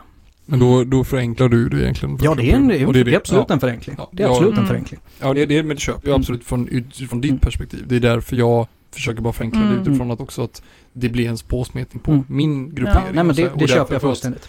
Eh, för att just förenkla och förtydliga att det ser skillnaden. Mm. För att en Mm. liberal konservativ håller aldrig med Sverigedemokraterna. Och det är så här, och en klassisk konservativ tycker att de är nästan till vad, vad, har ni, vilken sten har ni krupit fram under? Mm. Här, för att det är Mm. förlegade åsikter som de vill återbra. För de Mm. pratar ju om, vä- eh, om folkhemmet som Socialdemokraterna pratar om. Mm. Och då kan vi fråga, vad händer där? Är de Ja, socialister då? precis. Eller så här, då Jo, är det, nej, men det- är, det är är problemet alltså- att de är populister och det är det begreppet Ja. egentligen ska använda Ja. mot dem. De är inte ideolo- ideolo- ideologer eller ismer, de är Nej. populism. Ja men precis. När ledningen det är det. inom SD säger ju lite vad som helst för att Ja. de ska få uppmärksamhet och röster och sen så fånga upp de här missnöjda människorna som tycker att Sverige fungerar ganska taskigt. Mm. Så absolut, vi blir små påpeta en ideologisk eller förhållningssätt, konservativt, Mm. absolut. Men vi måste fortfarande benämna dem som populister i den Mm. benämningen. Det är Nej, det jag vill komma till. Mm. Jag tror att Sverigedemokraterna var ju de som dog längst tid så därför jag tänkte det är bra att vi tar dem först. Mm. Nu hoppar vi över på Kristdemokraterna tycker jag. För det, det, är liksom, det är viktigt att särskilja dem åt. För jag från ett vänsterperspektiv tycker att många gånger jag ser ingen större skillnad på vart Kristdemokraterna var om vi backar bandet 20 år och vart Sverigedemokraterna är idag. Inte jag. När det kommer till frågor, när det kommer liksom till sakpolitik, när det kommer till till egentligen ideologiska föreställningar liksom, utan då, då var det där liksom att så här, ja, men det är äckligt med lite homosexuella och liksom så här, så sterilisering, det var ju 2009 som de Mm. fortfarande var emot liksom att Mm. man skulle sterilisera transpersoner. Mm. Eh, eller, ja, Att för, man att man, för att man ska, ja, förlåt, vem det Tvångssterilisera naturligtvis. transpersoner. Ehm, och, och där ser jag ju någonting väldigt problematiskt och det är också därför som jag på den högra flygeln Mm. Och det är, väl- det är väl samma sak som kan sägas om den vänstra flygeln naturligtvis. Att liksom Mm. så här, jag tycker liknande saker som en vänsterrevolutionär. Ehm, men men ehm, det, det blir lätt jävligt problematiskt när man väl börjar gräva lite i det. Mm. Absolut. Men det tycker jag också, men och jag kan hålla med dig om att säga, jag kanske inte i alla lägen ser jättestora skillnader mellan KD och SD idag heller. Nej. Samtidigt som jag ju förstår att ideologin och kanske framförallt anledning, alltså ja, men ideologin och anledningarna bakom till att man tycker det man tycker kan vara olika, Mm. även om det i vissa sakfrågor ter sig ungefär likadant. Mm. Eh, men rent ideologiskt är det klart att det är skillnad på att vara eh, ett kristet värdeparti, det ska man inte säga det, för det finns ett annat parti som heter Kristna värdepartiet som är Ja, Mm. eller någon typ av av, eh, av, av art. avart av KD.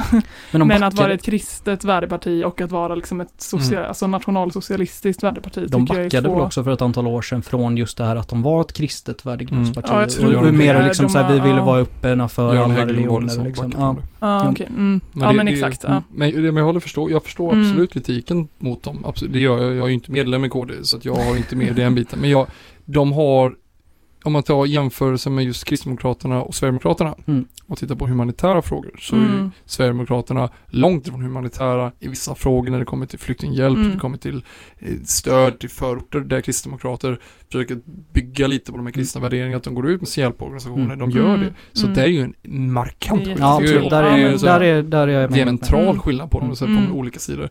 Och det är det som Kristdemokraterna bygger på väldigt mycket, de Mm. här värdena, alltså hjälpa andra, ta hand om alla, Mm. bistå de fattiga, alltså mycket grundprinciper och det är det som gör att Sverigedemokraterna, de skiljer sig extremt. Mm. Sen finns det såklart det saker, men det är som återigen Sverigedemokraterna är ju populister som har stulit 20-30 frågor från alla partier. Bara Mm. för att få in de där extra, ja men de tycker det, ja men jag gillar inte det där, men då tar jag dem också. Alltså Mm. det är lite cherry picking och det är lite det där och då får man ju, det är därför jag menar att vi ska särskilja Sverigedemokraterna från de etablerade partierna just i åsiktsorienteringen. Mm. För att Sverigedemokraterna är ett hopkok Mm. av massa åsikter. För att Ja. vi tittar på hur de var på 90-talet så var de ju nazister, rätt fullblodsnazister.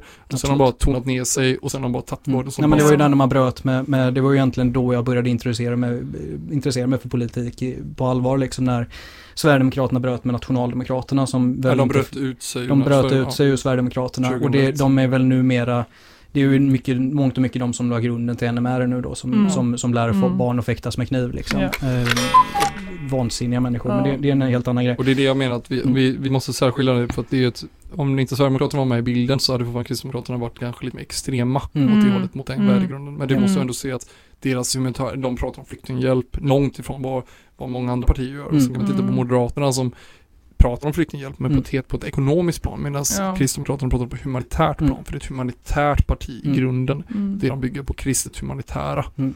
Så det är det. Så vi, Mm. Sen hur humanitärt det är i Ja, slutändan men precis, av dagen, det, det, det kan man ju, det kan man ha olika åsikter om. Nej men absolut, alltså, med, med, nu, nu är det välvilligt tolkat och det är det vi är Ja. ute efter Ja. liksom, idag för att förklara var de, vart de vill någonstans. Men jag tror att vi ändå kan konstatera att de på den här väldigt traditionella skalan placerar sig ganska långt till höger. Ja, de är, Ja. konst, de är djupt konservativa. Mm. Jag skulle ändå placera dem mer till höger. De är värdekonservativa. Alltså mer höger än vad, än vad Moderaterna är, precis som Mm. du sa. Ja, men jag om vi tittar på den traditionella linjen Ja, så men precis. Ja. Men eh, sen är det ju andra Ja. faktorer också. Ja. Ska vi gå över på just Moderaterna då? ja, är vi långt till höger och mer till höger nu än vad de var för några år sedan skulle jag säga. Ja, nej, det är ju just det där med skiftet mellan Ja. Rein- Reinfeldt och, och, och Ja. efterföljarna liksom. Det, det, det har ju hänt jag någonting tycker att radikalt det har hänt annorlunda. ganska mycket där. Mm. Eh, och nu har vi pratat väldigt mycket om migrationsfrågan och det kanske framförallt där den syns. Men, Mm. men min känsla är också att det är på, även på andra frågor. Eh, så. Och att man har gått mer mot det här som jag kanske ibland lite slarvigt uttrycker så, lite hård politik. Alltså vi pratade i förra avsnittet om lag och ordning till exempel, att man har blivit mycket hårdare i de frågorna. De har gått tillbaka till klassiska moderatfrågor. Verkligen. Mm. För att få tillbaka Eh, gamla moderaterna ja. som tappade väldigt mycket under en viss period. Ja men precis. är moderaterna har haft en identitetskris Mm. sen under Bo Lundgren, om de som Mm. lyssnar kommer ihåg honom som var partiledare på början av 2000-talet. Mm. Som totalt tappade hela Mm. fästet Moderaterna för att vi tappade röster för att han var en byråkratisk, tröttsam ekonom, var Mm. inte sexig, ingen lyssnade på honom, han hade inte Kenny-effekten överhuvudtaget. Saknar honom alltså. Det var så bra, det var bra för vänsterrörelsen med Bo, Osse, Osse. Och sen kommer Reinfeldt och reformerar och Mm. säger att nu måste vi få ett nytt ansikte.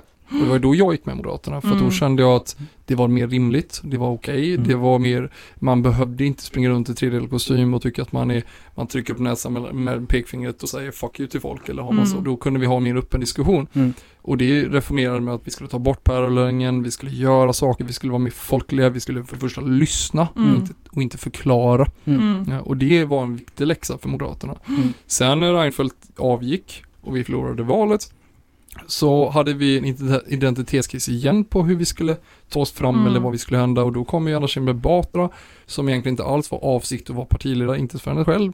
Men så blev hon utmanövrerad och så kom Uffe in och tog över makten för partiet och så Mm. ville han ta tillbaka det som var klassiskt Mm. moderat. Mm. Och då tittar man då på Bildmodellen. Ja, bildmodellerna, Mm. men, till, men till och med innan det så eh, Gösta Bohman-effekten, alltså Mm. man ska tillbaka till folk, alltså folkliga, alltså den gamla klassiska moderaterna som många saknade. Mm. Både väljare och annat för att vi var, svängde i åsikterna för vi tappade, för vi lyckades värva över vänsterröster för första gången inom Ja. århundradet. Mm. Att få över det. Och det, det är det som Moderaterna idag har ju svängt mer åt höger än vad många moderater idag kan associeras med. Känner sig hemma Mm. i. Ja. Mm. Och därför blir det ju lätt att för många moderater gå över till Centerpartiet. Mm. Mm. För där har vi tappat enorma röster till. Och sen Mm. har vi den gruppen av moderater som gick över till Sverigedemokraterna. Mm. För att vi var för mjäkiga enligt uppdrifter med det här med Göran Reinfeldt säger öppna våra hjärtan. Mm. Som Mm. jag tyckte inte var fel. För att det var en humanitär fråga återigen. Sen, sen kan man ju också just när vi pratar väljarbas liksom, så, så är ju Moderaterna historiskt sett inget jättestort parti. Så att det var ju först ganska modern historia som Moderaterna verkligen blev ett av de största partierna. Alltså 15% har vi legat på ett jo, ja, men absolut, men jag menar liksom så här att när du pratar uppåt 20 procent och liksom alltså... Uppåt 30 Uppåt, ja, det är när, under Reinfeldt-tiden liksom, alltså, Mm. då har man ju istället tagit, man kan ju också vända på det och säga att liksom så här bondeförbundet, som det hette på den gamla goda tiden, eh, under Albin Hånsson, eller ja, backspegelsperioden och annat, men eh, då hade ju de en helt annan väljarbas än vad Mm. de har Ja, idag, och vart de Mm. är på väg nu också. Så att det är ju alltid svårt det där och när man pratar på, framförallt nu då när vi börjar röra oss inåt det liberala istället, det har vi liksom varit inne på tidigare, att där finns det ju jättemycket splittringar. Exakt. Eh, och där svänger det ganska mycket åt vilket håll som, som, man, Mm. som man sätter ner flaggen nu då. Mm. Mm. Men ska vi försöka oss på ändå och, och mm, återvända till att få in dem i en ideologi? För nu har vi pratat mycket om Alltså deras utveckling och Moderaterna det är liberalkonservativa. Mm. Det är Ja. rätt upp och ner. Det är Ja. den jag är ideologiskt, det är den jag är läxad, eller uppvuxen i, Mm. både privat men också i, i Moderaterna. Sen Mm. finns det ju liberalkonservativa klassiskt och sen finns det konservativa liberaler. Så det har varit Mm. mixat från bägge sidor. Mm. För de som inte är kristna men ändå håller till konservativa med Moderaterna, de som Mm. är liberaler men inte socialliberaler, Mm. är Moderaterna och inte Folkpartiet, eller Liberalerna i så fall. Och så finns det mixen mellan mig då, som är den Mm. mitten, mittenskaran som Mm. känner att jag kan stötta bägge för vi vill ha ett liberalt samhälle Ja. men vill ha ett normalt förhållningssätt till saker och ting. Mm. För att inte stressa saker. Nej. Pragmatism, Mm. så är det. Nej, men det är, Mm. det är mycket liten stat, mycket individ. Liksom. Mm. Mm. Ja, det, det är väl grund... Lag och ordning och fixa Lag, lag och ordning och, och, och starkt försvar liksom, Mm. och rädd för Ryssland. Det, det är de tre. Ryssarna ska vara rädda för. Ja, de- en jättefin, eh, jag var tvungen att köpa den bara på titeln nästan. Eh, Bra bok, den som heter Den ryska björnen. Nej. Han står och väntar på att bli läst. Eh, Jag tycker det var kanontitel. Verkade väldigt bra på baksidan också. Med tanke på att. Putin har ändrat sin presidentval, eller presidentmakt ytterligare jo. ja, 12 år så ska jag säga att jag ska, vi ska nog vara lite försiktiga med det landet. Ja, så det är liksom sen, sen på, Ryssland idag och Ryssland innan, innan muren föll. Alltså det, Mm. det, det går ju inte riktigt att jämföra. Ehm, Även om det finns liksom Det nya kalla kriget har kommit kan man säga. Ja, jo, det, det är någonting annat idag om man säger så. Eh, hur som haver, nu ska det inte handla om Ryssland, det får det göra en annan dag. De får också starta en egen jävla podd, det har de väl redan gjort misstänker jag. Russia Today heter Ja. den. Mm. Eh, skönt. Lobbyist, Liberalerna. Lobbyisterna. Lobbyist, Ja, förlåt, jag, jag ska inte vara elak, jag ska vara snäll här nu. Gamla hedliga Folkpartiet. Ja. Lag, ordning och, och regler i, i förskolan. Men de är klassiskt Ja socialliberala väldigt, ju. eh, ja absolut skulle jag säga. Ganska, alltså inte i, inte i mitten men till höger om mitten ganska Mm. precis skulle jag väl ändå säga. Sen är det väl också att det finns ju, jag menar med, med, med hade Birgitta Nilsson blivit partiledare så hade Olsson. vi, Olsson, förlåt. Förlåt. Eh, tack, eh, ska jag säga istället. Eh, hade hon blivit partiledare så hade vi haft en helt annan politisk Mm. karta idag än Mm. vad, vi, vad vi hade. Det tror jag också och hon, eh, hon, alltså om man jämför henne med eh, med Björklund så står ju de för två ganska olika typer av liberalism i mitt Mm. huvud i alla fall. Där hon är väldigt mycket på den här feministiska jämlikhets, socialliberala Mm. sidan och han är lite mer förstatliga skolan, Mm. eh, gå med i. NATO, Jag, jag, nattväktarstatsliberal. skulle- jag skulle vilja säga att liksom så här, den stora skillnaden inom eh, Liberalerna numera då är att man har en del som Mm. tycker väldigt mycket för individens frihet Mm, och en del som tycker väldigt mycket för individens ansvar.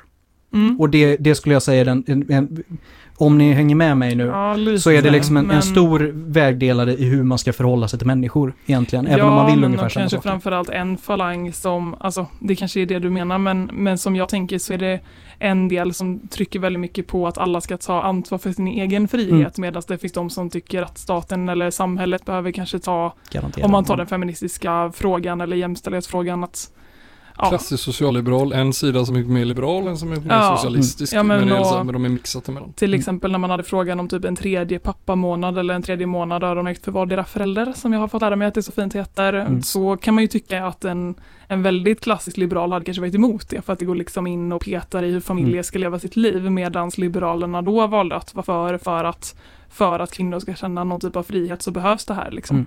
Så det är ju två olika, olika ben skulle Mm. jag säga. Nej men absolut. De är ju Mm. lite, det är, det är, om vi pratar om schizofreni i politiken, Ja, så är ju precis. de de mest schizofrena, för de Ja. svänger ju var, efter varje partiledare. Efter varje till- partiledare. Ja. Ihop med. Socialdemokraterna skulle jag vilja hävda. Ja, lite. Men, men eh, det, det, det kommer vi till. Mm. Eh, ska vi nöja oss Mm. där med, med Ja, men jag eh, tror- det. Absolut. Och. Centerpartiet. Mm. Ja. Centerpartiet är ju ett bondeförbund som det Mm. hette en gång i tiden, men då var de ju kanske inte lika rumsrena, men det lyckas, som efter 50-talet ganska rensa ut Mm. ordentligt och reformera sig och det får man ju ändå ge dem att de ändå lyckats med det och ta tillbaka en klassisk Ja, liberalt perspektiv, Mm. trots, trots allt. Eh, men de är ju de har ju ett närord, de kallar det så närodlat politik Mm. och det är ju det här den klassiska lokalperspektivet är att näringsliv som som bönder och lokala eh, bruksorter ska Mm. få sina grejer och de ska inte utarmas av urbanisering. Så de är ju Mm. fortfarande lokala, om man säger så, Väldigt decentraliserat Eh, tack. parti. är Mm. exakt den liberala gruppen som vill ha kanske mindre stater på det sättet. För att om man Mm. tittar på en klassisk liberal perspektiv att man ska stycka upp hela landet och sen har vi alla, alla, alla plotter i sin egen, Mm. egen stat. Mm. Och det är lite där Centerpartiet har för de tittar på det här lokala, Mm. liberala perspektivet. Men då vill jag lägga in en liten brasklapp här. För att jag håller eh, tradition, om vi kollar bakåt, absolut. Då tittar Mm. man mångt och mycket till hur det var i Eslöv liksom. Mm. Men numera så har man ju börjat blicka mot väldigt andra grejer. Och jag skulle säga att liksom så här, Att, att det går, ja, att, ja, det är ju, det är ju, Ja. nu handlar det om ja, fri marknad och så fri konkurrens och ska alla jordbrukare vara egenföretagare, Mm. varenda skogsverkare ska liksom vara Ja entreprenör. absolut. och det, det, det har blivit någonting helt annat mot vad det var tidigare. Ja, ja, Och inte längre spelar det roll att det finns ett BB, att det finns en skola, att det finns liksom en närbutik, utan nu, nu är det aktuellt att, att det går att göra så jävla mycket catching som möjligt på, på den svenska. Nej men de har ju absolut blivit marknadsliberaler. Ja. Du, du, frågade mig innan, du frågade oss innan om klassiska perspektiv Mm. på partierna. Då, då var det ju klassiska perspektiv. Men om Mm. vi tittar på hur de har blivit egentligen Stureplanscentern som jag säger, så, Mm. som kallas vissa i Stockholm. Så har du ju Mm. hela perspektivet på att de är ju de har gått från den lokalbruksorten Mm. till en urbaniserat Mm. bondeförbund där man ska Mm. egentligen ha där man ska prata miljöfrågor i en modern klasstappning istället för att man pratar om bruksorterna och där Mm. tappar de ju sitt Mm. ursprungsvärde. Det är därför de också tappar väldigt Det- mycket på lokalort. Det är Mm. också en sån grej som har fått mig in i Vänsterpartiet nu att man, jag, jag ser ju det som det Du nya. gillar inte bönder. Nej, men, nej jag, jag gillar ju bönder tvärtom. Jag har ju bott på landet själv liksom, både, både i, i norra och i, här nere i södern liksom.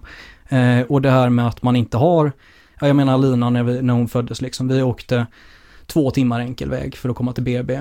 Mm. Eh, och det, det, det flyger liksom inte. Vi hade folk som var inne eh, samtidigt som oss som hade liksom åkt ambulanshelikopter från Kiruna-gruvan liksom, till Mm. Älvsbyn utanför Luleå. Det, det, det är det går liksom inte att ha ett Sverige som ser ut på det sättet. Och vill vi splittra upp, alltså förorter, vill vi göra någonting åt det så måste vi liksom vända på den här steken. Och där så har tidigare Bondeförbundet varit en kraft för att, att hålla Sverige öppet, hela Sverige. Men nu tycker jag snarare att man har blivit, ja, inte Centerpartiet utan centraliseringspartiet liksom. Där, där det mer och mer handlar om att liksom vi ska använda resurserna som vi kan få på landet för att Mm. ta dem till städerna. Absolut. Vad roligt Som- att jag börjat få in så här Jonas Sjöstedt ställ, Ja. jag, jag, Ja, jag jag hör mig själv börja liksom så här, nu låter jag Som din partiledare. Som, som min partiledare. Nej men det, det, du Ja. har poäng i det hela, absolut, och det vill jag inte förringa dig på. Det jag tänker med också är att just hela det perspektivet att vi har glömt av hela Norrland. Mm. Mm. Det är ju inte ett parti, det är ju, typ, det är ju, Ja, det är ju alla partier i riksdagen som har totalt Mm. glömt av oss och vill utarma och sen, ja, men, men det kör över den delen av Mm. landet och det är ju förklarligt varför de är vänsterpartister och sossar mest en del av, av röstlängden uppe för att det är de enda som har antingen lyssnat på dem eller som har gett dem möjligheterna eller varit uppe och delat ut och resten av partierna har valt att fokusera på södra delarna, Mm. mitten och södra delarna. Mm. Nej, Så så är det. absolut finns ju absolut argument för det, det säger jag inte.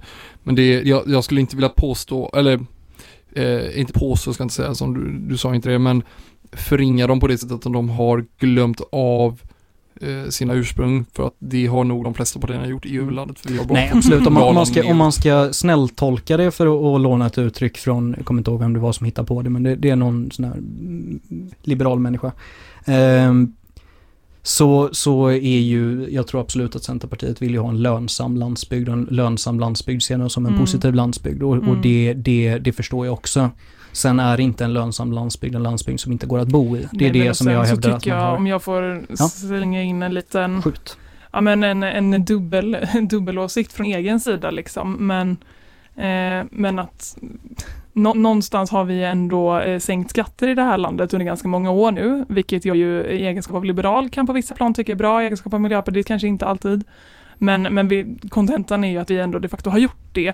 Eh, och det får ju, alltså om man bara kollar på typ BB-frågan eller liksom mödravården och sjukvården överhuvudtaget, alltså någonstans tar ju pengarna slut för att ha en öppen sjukvård i hela landet.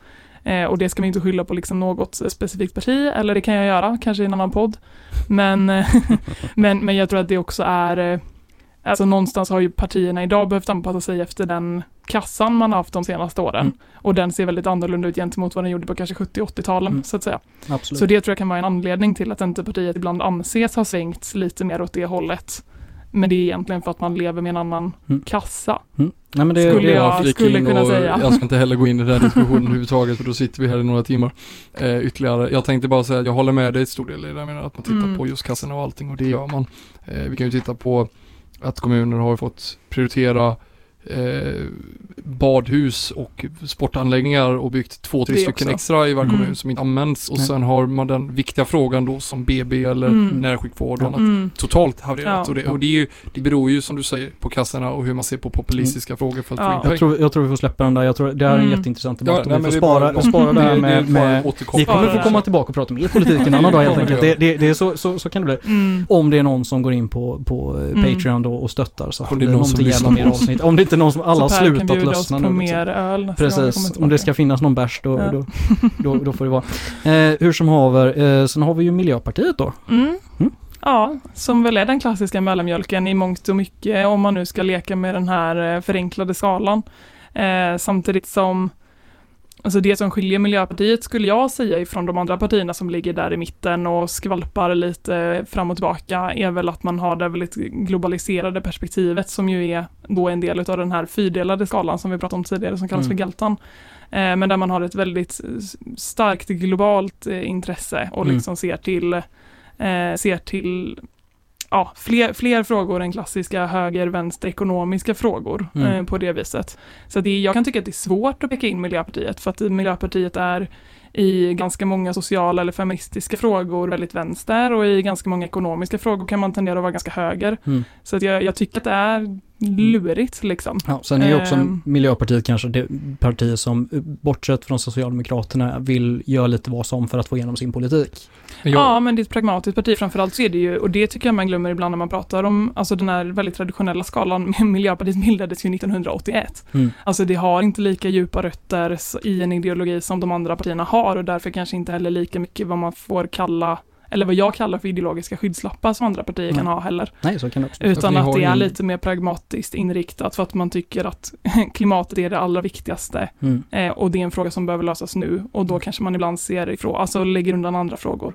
alltså jag så. får bara flika in och säga, för jag håller Mm. med till viss mån att de är pragmatiska Miljöpartiet, men också ni har ingen klassisk ideologisk grund. Det är även om, för att när ni bildades så var det ju Eh, folkpartister som hoppade av och var med där. Och sen var det ju massa andra grupper som hängde med. Och sen blev det en, alltså det, där blev det det lite bildades ju i en, alltså som en reaktion mot atomkrafts, Ja, alltså debatten. Så det var ju Eh, en- liksom det var en kärnkraft, folkrörelse det på var ju ett sakfrågeparti väldigt länge Ja. som senare har, har grundat en ideologi kan man väl säga. Mm. Ja, exakt. Eller senare hittat en, en Ideologisk hemvist. Ja. Eh, och därför är det kanske också svårt att peka in det väldigt Mm. enkelt på den här skalan. Där, där vill jag säga emot. Bara Mhm. för att det är min grundläggande natur. För jag skulle vara precis, vilja hävda att, att Miljöpartiet absolut har en, en väldigt stark dragning till just eh, liberalismen också när man Mm. tittar på miljöpolitiken och vilka det typer utav förslag det är som, som man vill köra. För det, det är ju nästan alltid att man utgår från individens köpkraft eller individens möjlighet att påverka, individens möjlighet att ta en elbil, individens möjlighet att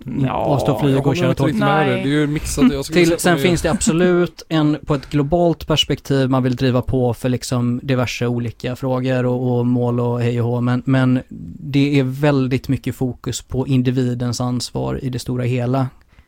Jag håller ju inte med om det. Nej. Nej.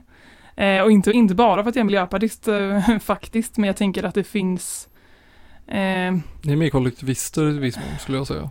Ja men alltså absolut finns det ju ett ansvar för individen i och typ, jag vet inte vad det kan vara, källsortera sitt skräp eller köpa en elbil precis som du, som du säger. Men det är ju inte heller, alltså däremot skulle jag väl säga, alltså, om man kollar på typ konsumtion så är det ju absolut en fråga som handlar om, om individens ansvar och frihet såklart. Men om man kollar på eh, det man vill göra för att typ rädda klimatfrågan eller liksom eh, rädda miljöfrågor på olika vis, det är ju det är ju sånt som påverkar företag väldigt mycket mer än vad det påverkar privatpersoner och som kanske på alltså utsläppshandel. Mm. Eh, bygg, bygga tåg för att människor ska kunna välja tåg istället för flyg. Alltså Mm. det är ju inte en, det tycker inte jag är att lägga ansvaret på individen. Det är ju mer kollektivistiskt. Jag skulle vilja faktiskt säga, Mm. faktiskt på en annan sak jämföra det med att ni var, ni var alternativet till den liberala och den sociala biten som Centerpartiet skulle varit i Mm. storstäderna. Så ni Mm. var det miljöperspektivet i storstäderna som ville ta den bort. Det är det som Centerpartiet försöker nu mota, alltså komma tillbaka till det, att det vara. Så att det är ju Mm. lite det, det är en reaktion, reaktion mot att det fanns ingen storstadsperspektiv på miljöfrågorna som bodde i storstad. Mm. Medan det fanns bara på landsbygden och Mm. det är där så mycket det är, som du Per säger, också en liberal grundprincip. Men samtidigt har en, en kollektivistisk agenda om Mm. man säger så. Så det är, Mm. det är fortfarande en mix skulle jag säga. Lite schizofrent Ja, jag tycker om du också en men Jag, jag, Ja, jag det- hör er, jag hör er goda vänner, men jag vill ändå stå kvar med mina kanoner lite grann i alla fall. Det får Eh, du. för att det som syns och det som märks och det som hörs ifrån Miljöpartiet, Mm. om man bortser från de stora ideologiska talen, Mm. vilket ni kör med emellanåt, eh, det är ju just alltså flygskatter, plastpåsar, miljö, Mm. elbilar, att liksom det ska vara subventionerat att köra en Tesla som, som liksom de flesta inte har råd med. Att det liksom, det blir, jag förstår att du hör det. ja jo Eh, det absolut, jag nej, det, det är kanske att jag Nej, som raljerar och är nej, men irriterad, jag- men, men, eh, För att hålla med dig till viss del så kan jag ju förstå som Miljöpartiet blir ju ofta kritiserat för att vara ett parti för de rika i storstäderna. Mm. Eh, och det, det är en kritik som jag kan absolut förstå. Eh, alltså jag håller ju inte med, men, men det är väl nog kanske för att det är som du säger, att det man hör är plastpåseskatt. mm. Och så står man där på ICA och så står man och vänder och vrider på den sista kronan i slutet på månaden för att kunna köpa mat hem. Mm. Och så inser man att man ska betala sju kronor för en plastpåse. Mm. Alltså det är klart att man kan känna Om jag att får det raljera påverkar bara säga mig. en jämförelse, ursäkta vad avbröt där bara. mm. att aspekten är att, som du säger, det att det är ett parti för de rika som är intresserade av miljön. Det är att, det det är väldigt, tyck, alltså lite gott tänk att, ja men jag källsorterar, jag Mm. plastpåsen Mm. och sen plötsligt, ja men nu har jag gjort bra för miljön. Ja. Istället för att det finns en agenda för det som troligt är ännu högre. Men vissa av dem i storstäderna som, som jag sa innan, Mm. var ett, fanns inget miljöalternativ Mm. för ett parti att rösta på i storstäderna. Mm. Därför var Miljöpartiet perfekt och sen blev det lite gimmick för vissa. Ja, men du säger att vi inte för att förminska det ni gör, men bara för att förenkla kanske viss synsätt av Mm. det hela. Nej men och om man bara tittar på, alltså typ den vanligaste kritiken som man får som miljöpartist är ju bensinskatten. Mm. Jag vet inte hur mycket mil jag får varje vecka som handlar om bensinskatten. Eh, och jag förstår att personer på landsbygden kan bli väldigt upprörda över det. Samtidigt som man känner, ja men om nu alla är väldigt ändå överens om att oljan håller på att ta slut och att bensinen därmed kommer att ta slut, vill du kunna köra din bil på landsbygden om 50 eller 70 eller 90 år, ja då Mm. måste vi ha kommit på ett alternativ. Vem ska betala för det om vi inte får in pengar på något sätt som kan lösa den frågan? Mm. Du för mailadress? Det... Nej, de, de lägger vi inte ut här. Nej, men, och det är precis det som, det här är det jag försöker komma till, även om Mm. jag formulerar mig klumpigt, att, att det som blir konsekvensen av Miljöpartiets politik många gånger är planskatter. Mer eller mindre. Effekten av dem blir bensinpriser höjs, Mm. plastpåspriser höjs, flygpriser höjs, vilket gör att inte folk har råd med semester. Det är liksom, det, det är där min problematik ligger, att slå mot de som har råd att betala för klimatet. Det gör vi ju Det är första, och, absolut, ni gör Mm. det också. Men jag vill slå, jag, jag, vill, jag vill slå mer, jag, jag vill trampa på en större, om man ska trampa Mm. på fötter så vill jag trampa på någon som har skor på sig. Mm. Istället för att trampa någon som står barfota. Mm. Och det är det jag menar med, med varför Jag anser att det är ett mer individualistiskt baserat parti ett, ett parti som liksom bygger mer på att du som individ ska ta ett ansvar än att vi som samhälle ska ta ett ansvar. För att Mm. en del individer ska ta ett större ansvar. Mm. Enligt, nu, nu är det jag Jo, som är ute och slingar igen. Ja. Men, men, eh, men det finns Mm. individer som har mer möjlighet att ta ett större globalt ansvar Mm. och en del länder Mm. som har det kontra andra länder. Ska vi, vill du säga någonting avslutande om Miljöpartiet? Ja, det vill jag absolut. Jag ska försöka göra det kort, men, eh, nej, men jag förstår den kritiken och det kommer ju kritik från alla möjliga håll samtidigt som jag ändå skulle vilja trycka på att man måste göra båda. Alltså man kan inte bara beskatta företag och man kan inte bara beskatta privatpersoner för att lösa klimatkrisen. Eh, Sverige kommer inte kunna göra det ensamt, EU kommer inte kunna göra det ensamt och därför behöver man liksom samarbeten. Eh, och eh, om forskningen säger att vi har tio år på oss att lösa klimatkrisen så kan jag ju tycka att alla får anstränga sig oaktat- om man är privatperson eller företag. Absolut. Eh, så. så det, eh, Ja, Ja. Nej, jag är med på att Ja. alla anstränger sig men alla får anstränga sig efter förmåga. absolut. Hur som haver. Ehm, ska vi skita i social... Nej, det kan vi inte. ehm, Socialdemokraterna. Där är ju ett parti som är, skulle, skulle jag påstå, är Sveriges mest splittrade parti. Just nu i alla fall ja. Ja, det, Mm. det har en tydlig...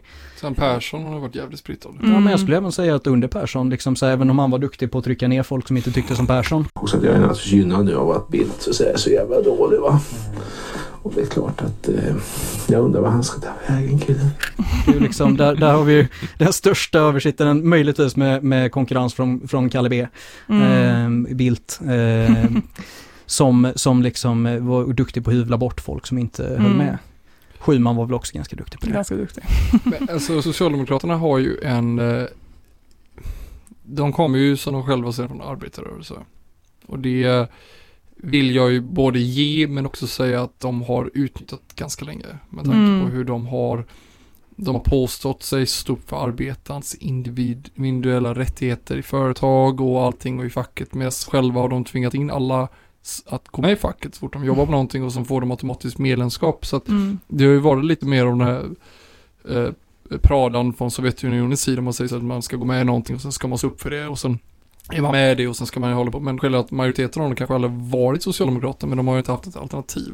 Mm. Och därför tror jag att Socialdemokraterna har ju varit ett så stort parti för det har ju inte funnits någon de har gett alla allmosor och gjort det här och sen har de slutat glömma av värdena och sen har de ju tappat efter en viss tid. De har ju gått från att vara eh, klassiskt, alltså grundprincip av socialism som Marx hade och sen gick de från 1960-70-talet till känsloargument och mer Mm. under Palme-retoriken och blir lite det om nu ska slänga ett namn här som kan bli svårt med Rousseau från alltså franska revolutionens tid som vi hade i förra avsnittet Mm. att prata om.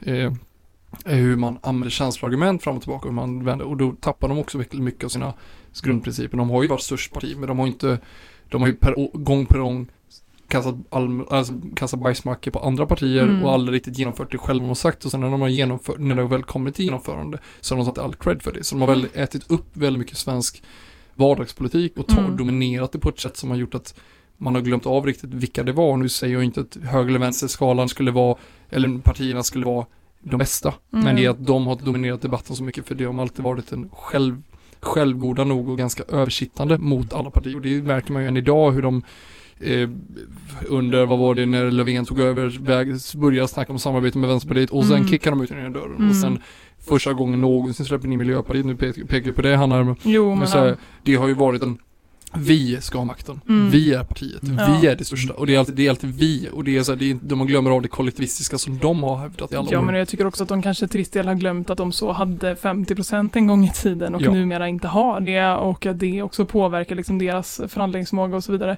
Men eh, det jag tycker är intressant, alltså om man kollar också på socialdemokratin runt om i Europa eh, och inte bara i Sverige så är det ju ofta så att de stora socialdemokratiska partierna eh, blir mindre och mindre i hela Europa nu till förmån tyvärr ofta för bruna krafter eller andra eller liberala krafter. Så att jag tycker också om man kollar bara på den här klassiska skalan som vi håller på att prata om, eller försöker prata om, så har ju den också kanske till stora delar i Europa svängt. Mm. Och från att tidigare ha handlat väldigt mycket om höger, vänster, klassisk ekonomisk politik så handlar det idag mer om typ frihet kontra auktoritär politik. Eh, och det tror jag, det har ju inte kommit hit riktigt än, men frågan är om inte Socialdemokraternas, om man nu får vara tillräckligt hård för att säga fall, eh, ändå kommer typ på, alltså jag tror att det kan hända grejer på den, Mm. Mm. i bara synsättet på vad politik handlar om egentligen. Jag skulle kunna stå här och prata i två timmar om Mm, enbart Socialdemokraterna. det. Ja. Eh, för det, det är nog de som jag har mest splittrad inställning till. Mm, mm. Eh, och det är väl mycket sen, jag skulle säga att den största förändringen för eh, Socialdemokraterna kom på 80-talet. När man svängde från att vara ett parti som verkade för socialdemokrati ja. till Ja. ett parti som, som blev mer, allt mer socialliberalt. Och varför man gjorde det skulle jag väl säga till viss del var ju för att man hade kommit så pass långt välfärdsmässigt och så pass många hade blivit medelklass att man såg ja men fan nu kan vi inte jobba med arbetarna längre för de är inte lika många. Utan Sverige går allt mer mot att bli ett tjänstemannasamhälle. Mm. Industrierna flyttar bort. Möjliggjorde man ju det så in i bänken så att Mm, liksom så här, man ska absolut. inte säga att det var Socialdemokraterna som, som reagerade helt, en, helt utan att vara med i processen liksom, utan det var, det var man absolut. Men, Mm. men där när man öppnade upp liksom eh, bankvärlden och liksom var, var en drivande kraft för för en privatisering som, som eh, enligt mitt synsätt har liksom holkat ur eh, välfärden ganska kraftigt. Eh, och då vi, har vi inte ens kommit fram till sosse, sosse, Posse Persson som, som verkligen sparkar in alla, alla jäkla dörrar för att, för att kunna hävda sig själv och sina gelikar. Och, och det här att han säger, han är den socialdemokrat som går ut och säger att min politiska gärning ska jag ägna åt klassklyftorna. Mm. Eller bekämpa klassklyftorna. Alltså det är ju det största hyckleri i liksom om i modern politisk historia. Fan, alltså jag skulle, det, det, det gör mig, jag blir förbannad här nu och svårt att hålla mig lugn och neutral för att du jobbar på bankgubben. Sätt dig ner, hoppa ner från din häst och kör upp den. Alltså det är liksom, förlåt, nu blir det lite hårt här. Men, men, men just Det var alltså... nästa sex tips från Tär. Ja, jo, det här var dagens sextips. Var försiktig bara så att det inte blir fel håll. Eh, nej, men det, det, det är alltså den, den liberalisten, liberalismen som har börjat sprida sig eh, inom socialdemokratin i både Sverige men, men också internationellt. Det är ju, skulle jag ju hävda, är, är vad som har lett fram till socialdemokratins fall. Mm. Att man har ignorerat de grundvärderingarna som man en gång slogs för. Alltså det här med, med att man var drivande parti för åtta timmars arbetsdag, att man var drivande parti för semester och a-kassorna och... Alltså Det är en identitetskris som Ja. har haft sedan 80-talet Ja. och det är efter Palmetiden om man säger Jo, så. För och vart ska de ta vägen liksom? Jag, man, man kände ju ett hopp när liksom Löfven kom och det kom liksom en svetsare. Mm. Sen att det är en fackpamp liksom gör ju Mm. att man blir så bara, "Ah, ja men det, det lär väl inte hända speciellt mycket och det har ju inte gjort heller. Kände du hopp? Nej men det, det, är mer att, det är mer att fan vad skönt att det är någon som har knegat. Ja, Det är så. liksom, det, det är så jag känner att det är liksom så här, socialdemokratin behöver, för de har en jättebred gräsrotsrörelse. Många av dem röstar på Sverigedemokraterna bara för att de är så Mm. jävla förbannade på, på på, partitoppen, LO, alla liksom. LO-anslutna idag, alltså merparten Ja. är ju Ja. Sverigedemokrater, och de det är ju det. sossar. det är ju det. Men det tycker jag, nu ska vi inte fastna i migrationsfrågan allt för mycket igen, men där tycker jag man ser en väldigt tydlig svängning Mm. i Socialdemokraternas alltså, hållning bara rent Mm. ideologiskt. Alltså om jag hade varit ideologiskt sosse Mm. Så hade jag inte ens behövt fundera på frågan om huruvida vi ska ta emot flyktingar från andra länder eller inte. För för mig är det solidaritet. Mm. Och det är ju vad sossarna har stått för Mm. i alla år. Och nu är det plötsligt inte alls lika Mm. självklart längre. Nej, och det är, ju- det, är, det är ju det jag menar med att liksom så här, den, den här, om vi nu ska prata pragmatism så är det ju liksom, det, de borde ju heta alltså, socialpragmatismerna istället. Mm, Liksom. Det, mm. det, det är ju vad som helst för att kunna få svänga med och, kvar. och få sitta kvar i nuläget. Liksom. Maktfullkomlighet heter det. Ja, nej men det, Det är det är det. liksom, eh, det, det finns ju ingen hejd på Nej. det liksom. Det finns ju en anledning varför den gamla memen på, eh, på från 2004-2006 med Göran Persson, det står en bild under, med en text under makten framförallt. För att Mm. det var ju verkligen, som du sa Hanna, 50% partiet. Mm. Det vi alla visste om, det, ja men det, sossarna vinner, vi spelar ingen roll, vi, vi, vi försöker så gott det går, men de kommer alltid sitta på och styra makten. Mm. De har ju en, de har haft en identitetskris som du säger, 80-talet garanterat, och de har haft säkert en efter det långa, och det har inte förbättrats för de har ju slagit från höger till vänsterkanten. Det ser du ju på att de har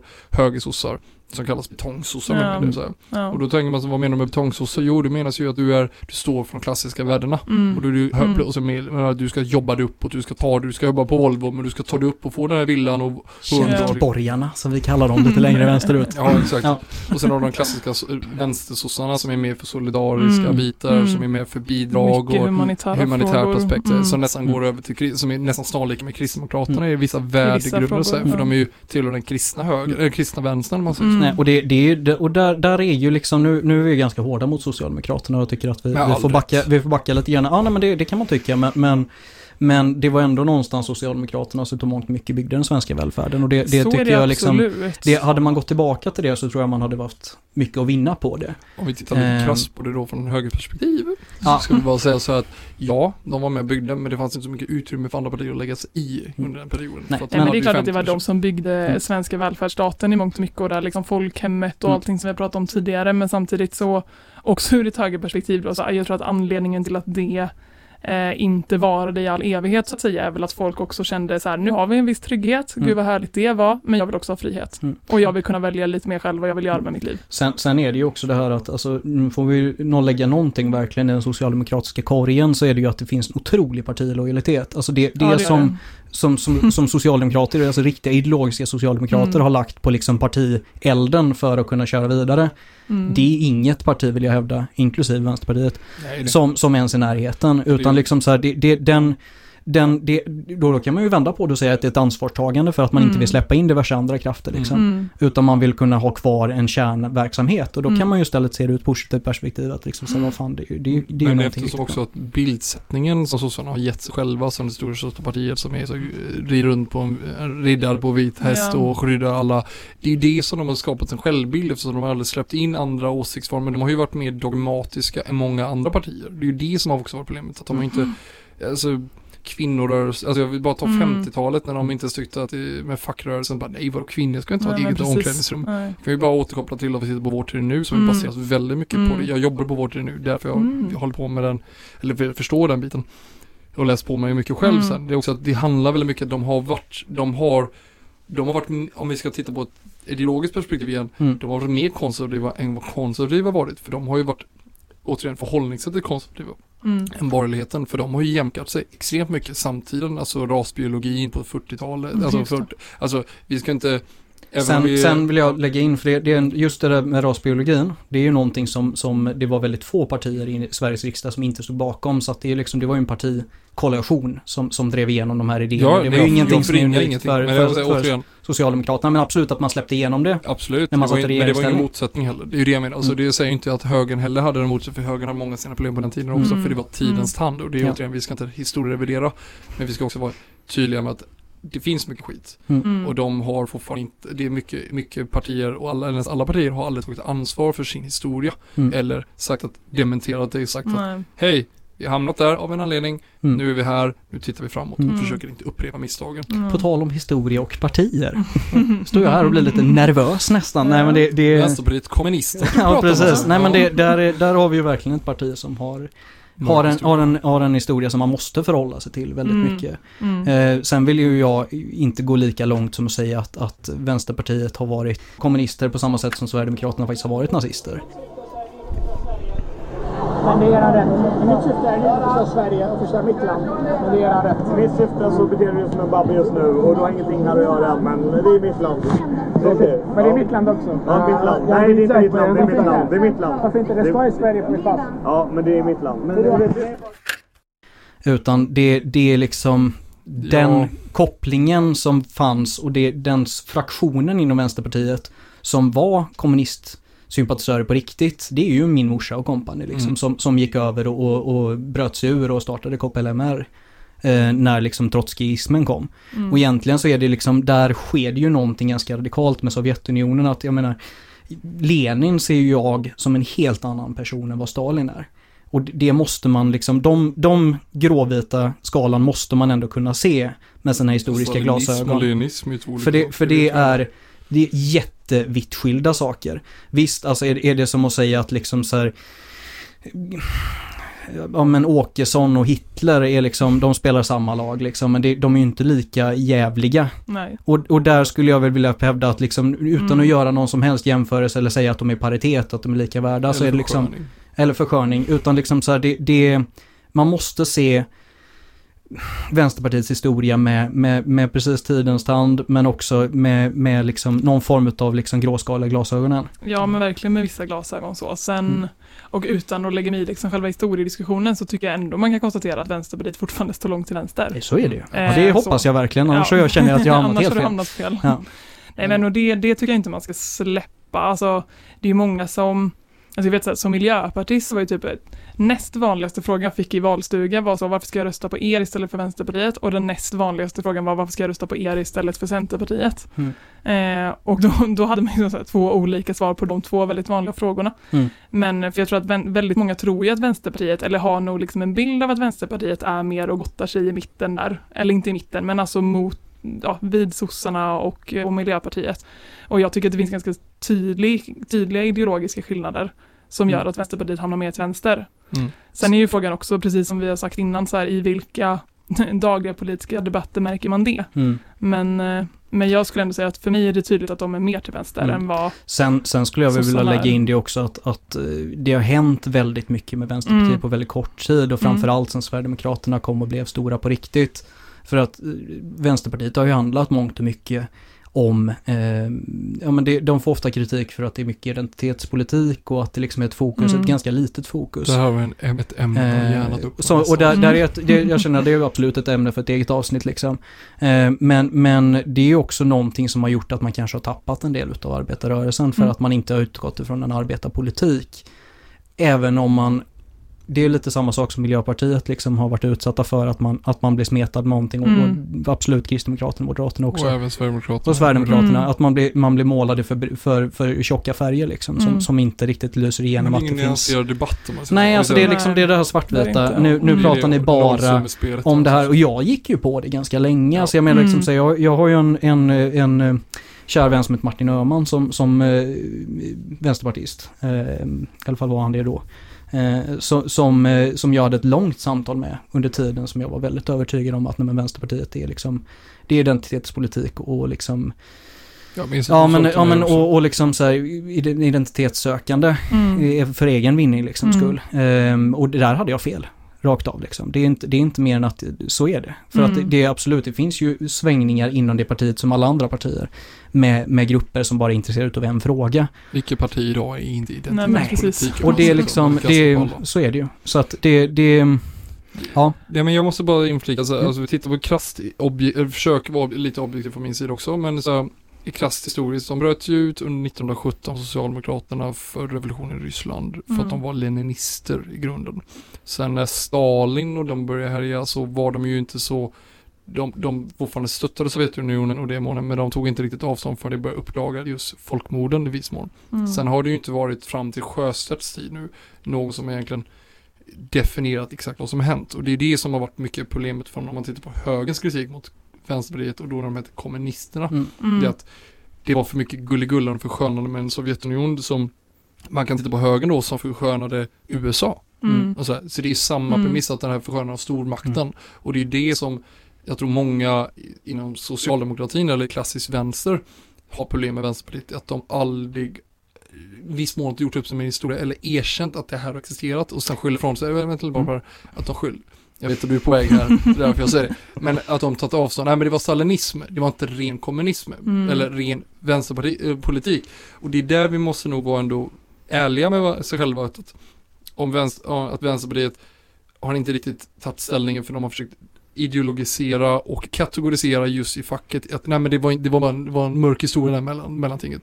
Ja, men samtidigt måste det vara en, är det en del av historien. Och det är det som Mm. Vänsterpartiet idag har också en liten identitetskris just hos väljarbasen. För det kan man ju titta på som du Hanna säger just att Miljöpartiet eller Vänsterpartiet eller Mm. Miljöpartiet Mm. eller sossarna.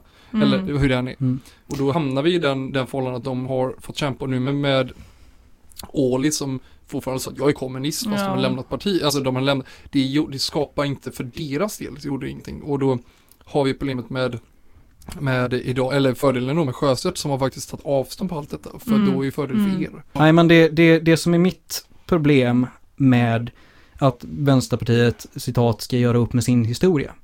Eh, Det är ju att det finns ganska många partier som borde göra upp med sin historia. Ja, Mm. Eh, Socialdemokraterna inte minst liksom. Så jag menar liksom så här, det, det pratas att det inte är en del av svensk skolundervisning att vi skeppade tyska soldater för att kunna invadera Norge. Ja.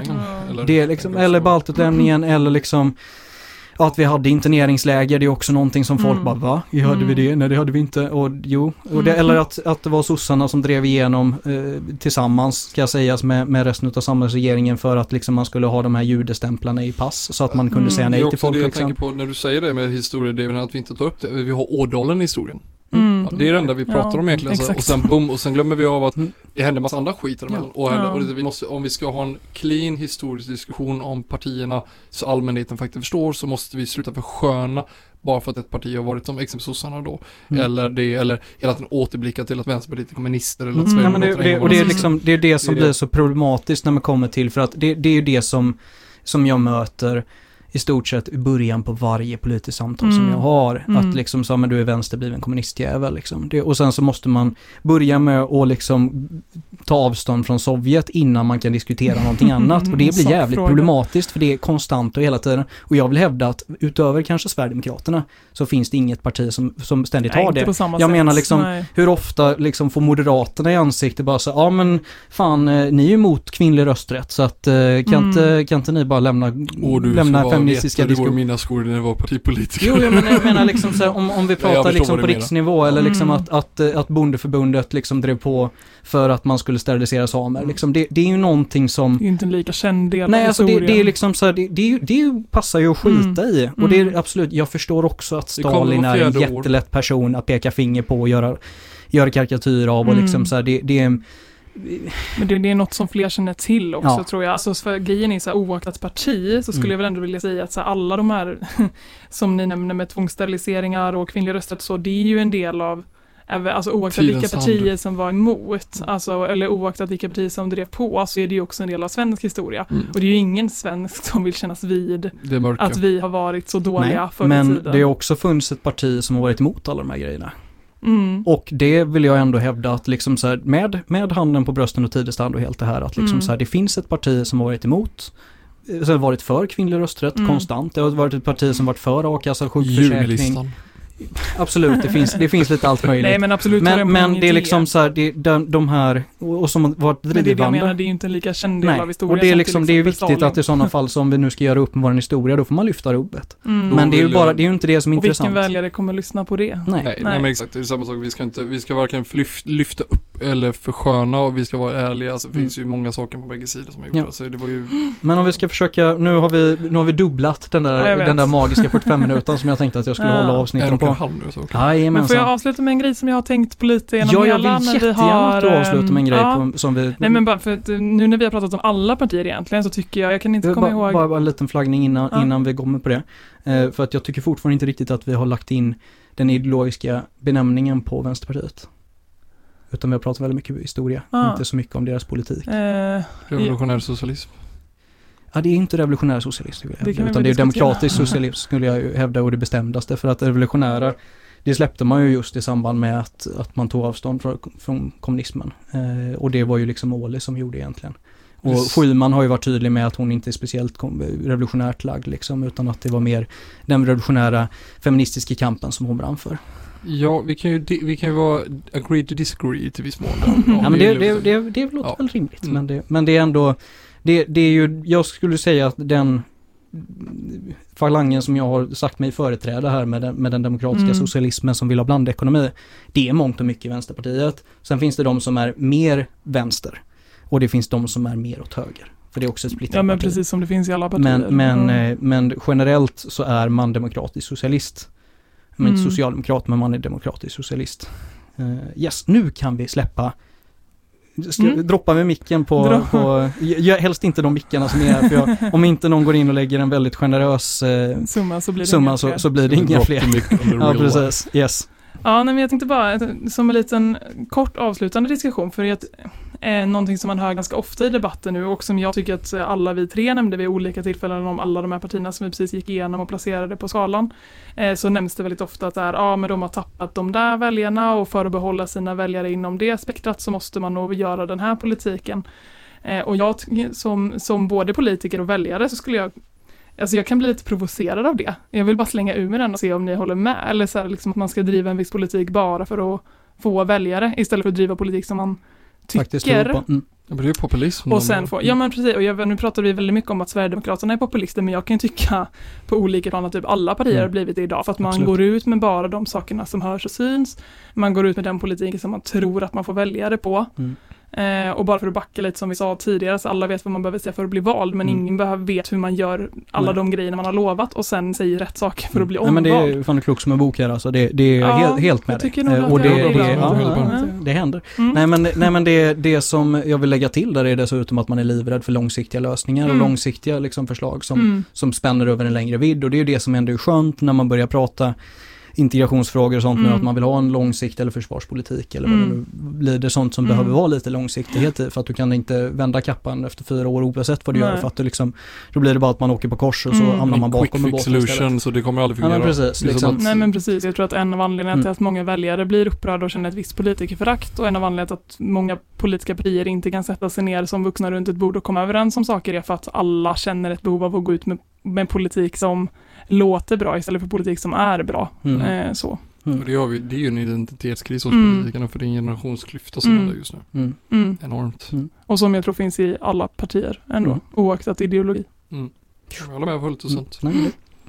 Skönt Over att vi har, vi, vi har en, en, någon som går in Fick och liksom vi lägger en avsluta på samma, Ja, samma men- sida? Fan, och vi, vi, vi klarade oss i, i drygt tre timmar utan att någon började veva. Och jag har inte ens kastat liksom eh, Nej. Boråsplast på någon liksom. Nej, men utan eh, det, det, de har fått ha kvar den på Borås Arena. Tusenlappar i kallduschen. Jajamensan. Eh, nej, så att skitkul att ni ville vara här. Mm. eller in och stötta ekonomiskt. Så att Ja, vi alltså, nej, men det är någonstans, vi, vi, säger, vi kan säga så här för att det är alltid enklare att ha någonting eh, någonting konkret att jobba på. Nu blev det två avsnitt, egentligen bara tanken att det skulle blivit ett avsnitt. Men nu blev det två. För Mm. att så, Så kan det gå när det, när det blir bättre än vad man har tänkt sig. Eh, och då är det tråkigt att sluta.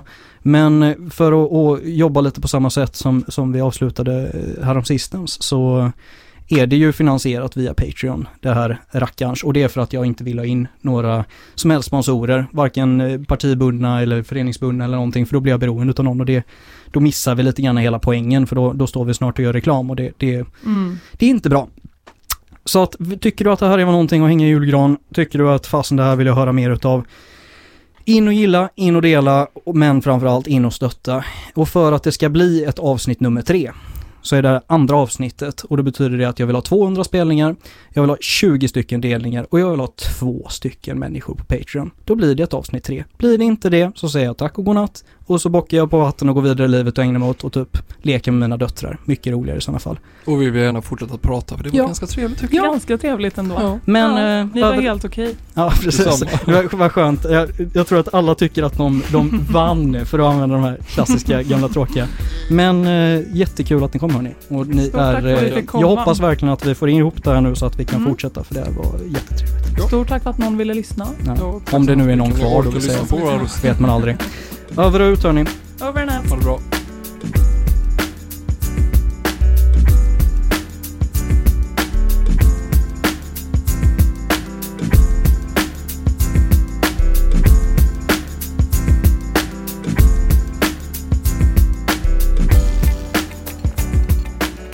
Pappa ponerar produceras av Hakuna Matata Produktion. dot dot dot dot dot dot. Bye bye.